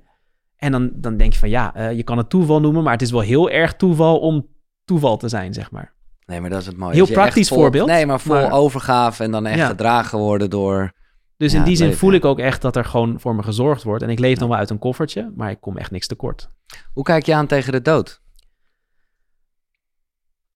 Als een heel belangrijk deel en aspect van het leven. Als in dat je dat ook een drive geeft om... eh, Aan de ene kant is het natuurlijk onvermijdelijk. Ehm, heel veel mensen realiseren zich dat niet echt. En daarom zie je vaak dat als iemand een, een bijna doodervaring heeft of, of te horen krijgt dat ze misschien niet lang meer leven, wat dan ook, zie je vaak dat ze drastisch hun eh, prioriteiten veranderen. En dat komt dus omdat we, ondanks het feit dat we weten dat we ooit dood zullen gaan, realiseren we ons dat niet echt. En het moment dat je dat echt realiseert, en daar heb ik nog een oefening ook in mijn boek voor staan, eh, ehm, voor mensen die dat gaan lezen. Ja. En dat helpt je dan heel erg, omdat je dan, het moment dat jij je echt realiseert van, oh, ik ga inderdaad een keer dood, en dat kan, kan zelfs morgen zijn, het zal waarschijnlijk niet zo zijn, maar het kan wel, dat het je kan helpen om dieper, meer authentieker en, en bewuster in het nu te gaan leven. Want stel dat je hebt nog een week, wat zijn dan de dingen die je echt nog zou willen doen of tegen iemand zou willen zeggen of, of wat je wil ervaren? En dat wil niet zeggen dat je denkt van, oh, hè, dan verkoop ik mijn huis en ga ik alleen maar op vakantie. Maar er zijn heel veel dingen die heel belangrijk voor ons zijn, maar die we vaak toch weer uitstellen omdat we of eh, denken van, nou, dat kan later nog, hè, Mhm. ik heb alle tijd. Of dat je misschien toch een beetje zoiets hebt van, nou, wat zullen anderen ervan denken? Maar als jij echt nog een week hebt, dan denk je van, nou, dan ga ik dat sowieso doen. En dat helpt je dus soms om weer even helder te krijgen, oké, wat is echt belangrijk voor mij? En ook om heel veel van die onnodige, ja, eh, dingetjes die je soms dwars zitten of los te laten. Want het moment dat jij je realiseert van, oké, ik ben er dan niet meer, Nee. dan maakt het helemaal niet uit wat die over je zegt of denkt of wat die, hè? Dus, ehm, het is een fantastische oefening inderdaad. en eh, maar wat denk je... Ja, sorry, Anna? nog één ding, wat er wel ook, eh, want veel mensen hebben het soms moeilijk ermee, hè, zijn er bang voor. En dit is ook iets waar ik persoonlijk ook heb ervaren dat die echte diepe meditatie, wanneer je dat gaat ervaren, zo waardevol is, omdat, hè, zoals je al eerder eh, vorige week ook in de vorige episode, de aflevering zei, ehm, het, het voelt bijna als, alsof je zeg maar slaapt. Hè, je, je bent er even helemaal niet meer. En het moment dat je dat dus steeds bewuster gaat ervaren, dan ga je dus ervaren wat of wie je bent. Voorbij dus je lichaam en je geest en die gedachten. En het moment dat, het dat, dus, dat je dat bewust ervaart, en dat je dus ziet van, oh, dat is wat ik ben, want dat is iets wat er altijd is. Dan komt dus dat hele stukje, dat hele stukje angst en wat dus toch te maken heeft met hè, voornamelijk ons lichaam en onze identiteit, van, want dat valt dan weg als je Mhm. doodgaat. Dan valt dat stukje angst en onzekerheid dus van je af. Dus dan zal je zien dat je dus ook eh, ja, niet meer bang bent om dood te gaan. En ja, het is misschien lastig te, te begrijpen, maar als je zegt tegen mij bijvoorbeeld van nou, je gaat morgen dood, is dat oké? Ik Hmm. bedoel, zolang dat niet zo is, heb ik van alles wat ik nog zou willen doen en hoe ik kan bijdragen. Maar nee, ik snap het. dat, dat stukje hè, van oh, dat loslaten, dat, dat leer je dan dus. Maar even, en dat is een beetje filosoferen, maar technisch gezien, wat denk je dan dat er gebeurt? Hè? Dus, dus, dus... eh, Nou, ik, heb, ik heb er van alles over geleerd in mijn traditie. Hè. Die, Ja. die Vedische geschriften is ook een stukje dat hierover gaat.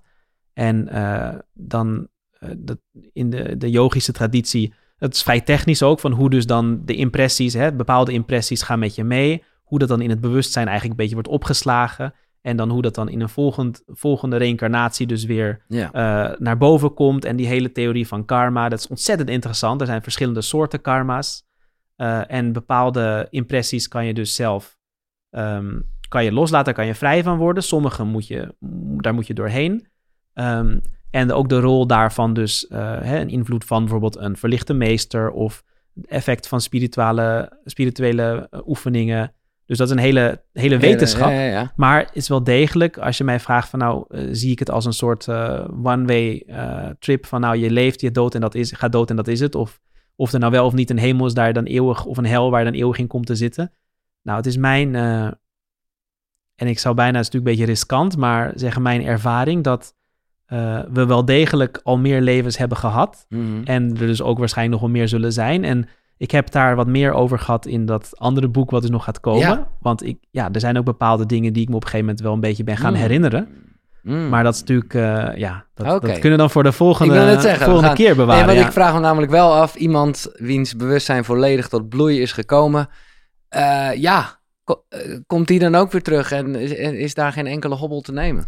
Ehm, nou, hè, om dat nog maar weer een keer te zeggen, ik heb mezelf die naam niet gegeven Nee, natuurlijk. Maar wat misschien wel interessant is, er zijn hier twee dingen. Eén is dat ook in de, in de Patanjali Yoga Sutras, dus echt een van de main eh, scriptures of yoga, hè, de belangrijkste geschriften Ja. van yoga, daar zeggen ze ook dat op het moment dat jij eh, ja, perfectie hebt eh, gerealiseerd in het principe van onthechtheid, dat je dus niet naar dingen verlangt of dat je niet dingen wil vasthouden. Op het moment dat dat helemaal in jou, eh, dat je dat helemaal hebt gerealiseerd, dat je dat helemaal leeft, dan ontvouwt in jouw bewustzijn de kennis van je vorige levens. Mhm. Dus het is een soort van safety stop, Ja, ja, zeg maar, dat tot het moment dat jij niet helemaal alles los kan laten, wordt die kennis dus niet volledig eh, beschikbaar. Want ja, dan zou je gek worden. Ik bedoel, Ja. we hebben al zoveel stress en problemen ja, met je buurman die, die de vuilnis eh, niet buiten zet of wat dan ook. Als je al Stel dat jij, ja precies, van ja, in mijn vorige leven heeft hij dat gedaan of heb ik dat meegemaakt. Dus dat is een soort natuurlijk eh, eh, ja, principe. En dan zie je dus hoe meer je dus eigenlijk ja, onthecht wordt, hoe meer je aan dingen vasthoudt, dat je dus ook inderdaad meer kennis krijgt van nou ja, eerdere levens. En dan met betrekking tot het terugkomen. Ehm, ze zeggen dat er zijn dus hè, bepaalde karma's die moet je dan nog uitwerken, bepaalde impressies. En daarvoor kom je dan terug. Ehm, maar op het moment dat jij zeg maar vrij bent, dan heb je de keuze. Dus dan kan je kiezen of je terug wil komen. Maar dan is het dus niet eh, gedwongen. Maar dan kan je dus kiezen van nou, eh, ik wil zeg maar komen om bij te dragen. En, eh, en dat is dan dus aan jou. En dan zeggen sommige, hè, sommige mensen hebben zoiets, oh ik wil verlicht worden of ik wil bevrijd worden, want ik heb het hier helemaal niet naar mijn zin. Eh, of ik vind het een vreselijke wereld, of het is Mhm. allemaal lijden en zo. Maar ja, het moment dat jij realiseert dat het uiteindelijk allemaal toch een, ja, een, een spel van het universele bewustzijn is en dat je ook dus die, nou, die tegenstrijdige waarden kan gaan waarderen, dan is het helemaal niet een nare wereld. Dan is het gewoon, ja, er is van alles te doen. Hè? En zeker, eh, je kan van alles bijdragen, maar het is dan niet een last. Het is een soort van spel. En in die zin heb ik ook zoiets van, ja, ik, ik heb helemaal niet zoiets van, oh, ik wil bijvoorbeeld verlicht worden, want Nee. ik vind het hier zo naar. Nee. Ik heb het ontzettend naar mijn zin. Nee, ja, als iemand, je bent heel eh, een uiting van geluk. Ehm, laatste vraag, echt de laatste. Eh, hier wel, want kijk, uiteindelijk gaat dit stuk vlees en ook wel een beetje deze mind, ja, plus het bewustzijn, nou ja, dat is wie hier tegenover mij zit, maar dat stuk vlees, eh, even hard gezegd, dat gaat dood. Mhm. Dus dat is, eh, nou ja, voor sommige mensen Freek, voor anderen Alexander en voor iedereen nu Swami Purnachatanya. Swami Purnachatanya. Precies, ja. Hoe wil je herinnerd worden?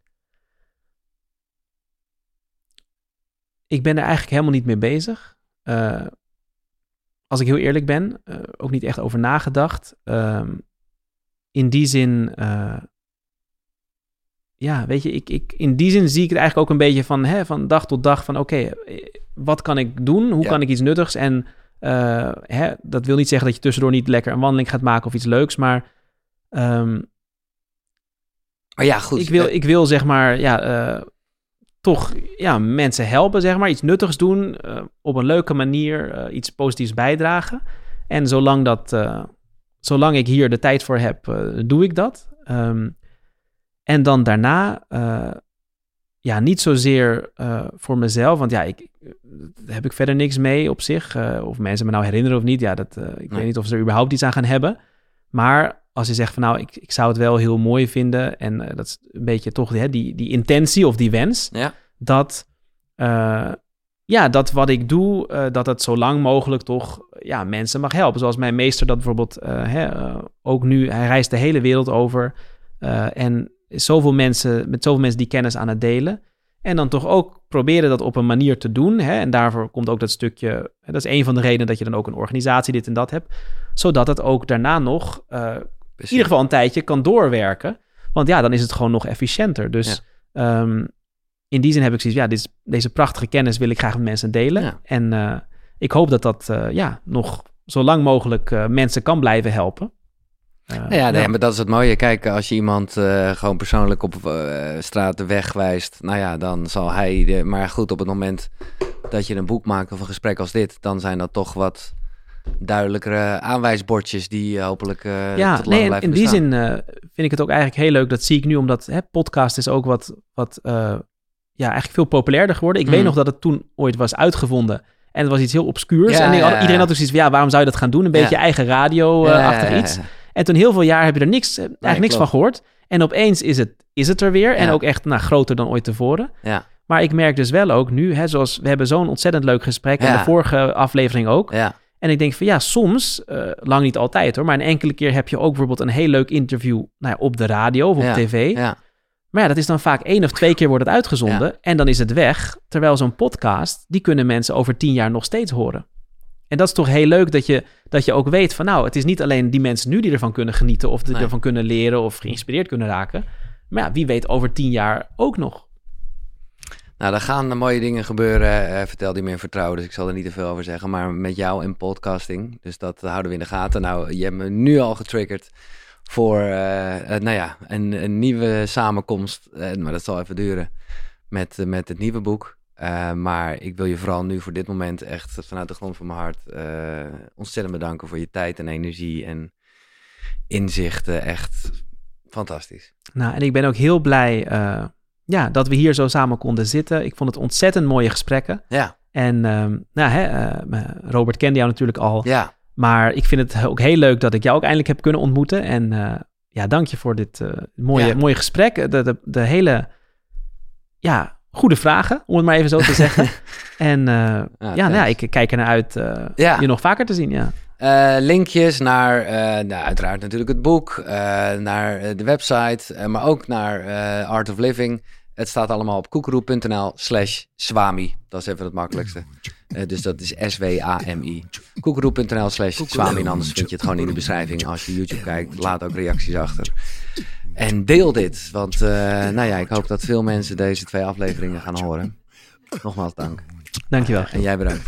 Tot de volgende. Zonnegroet. Hoi.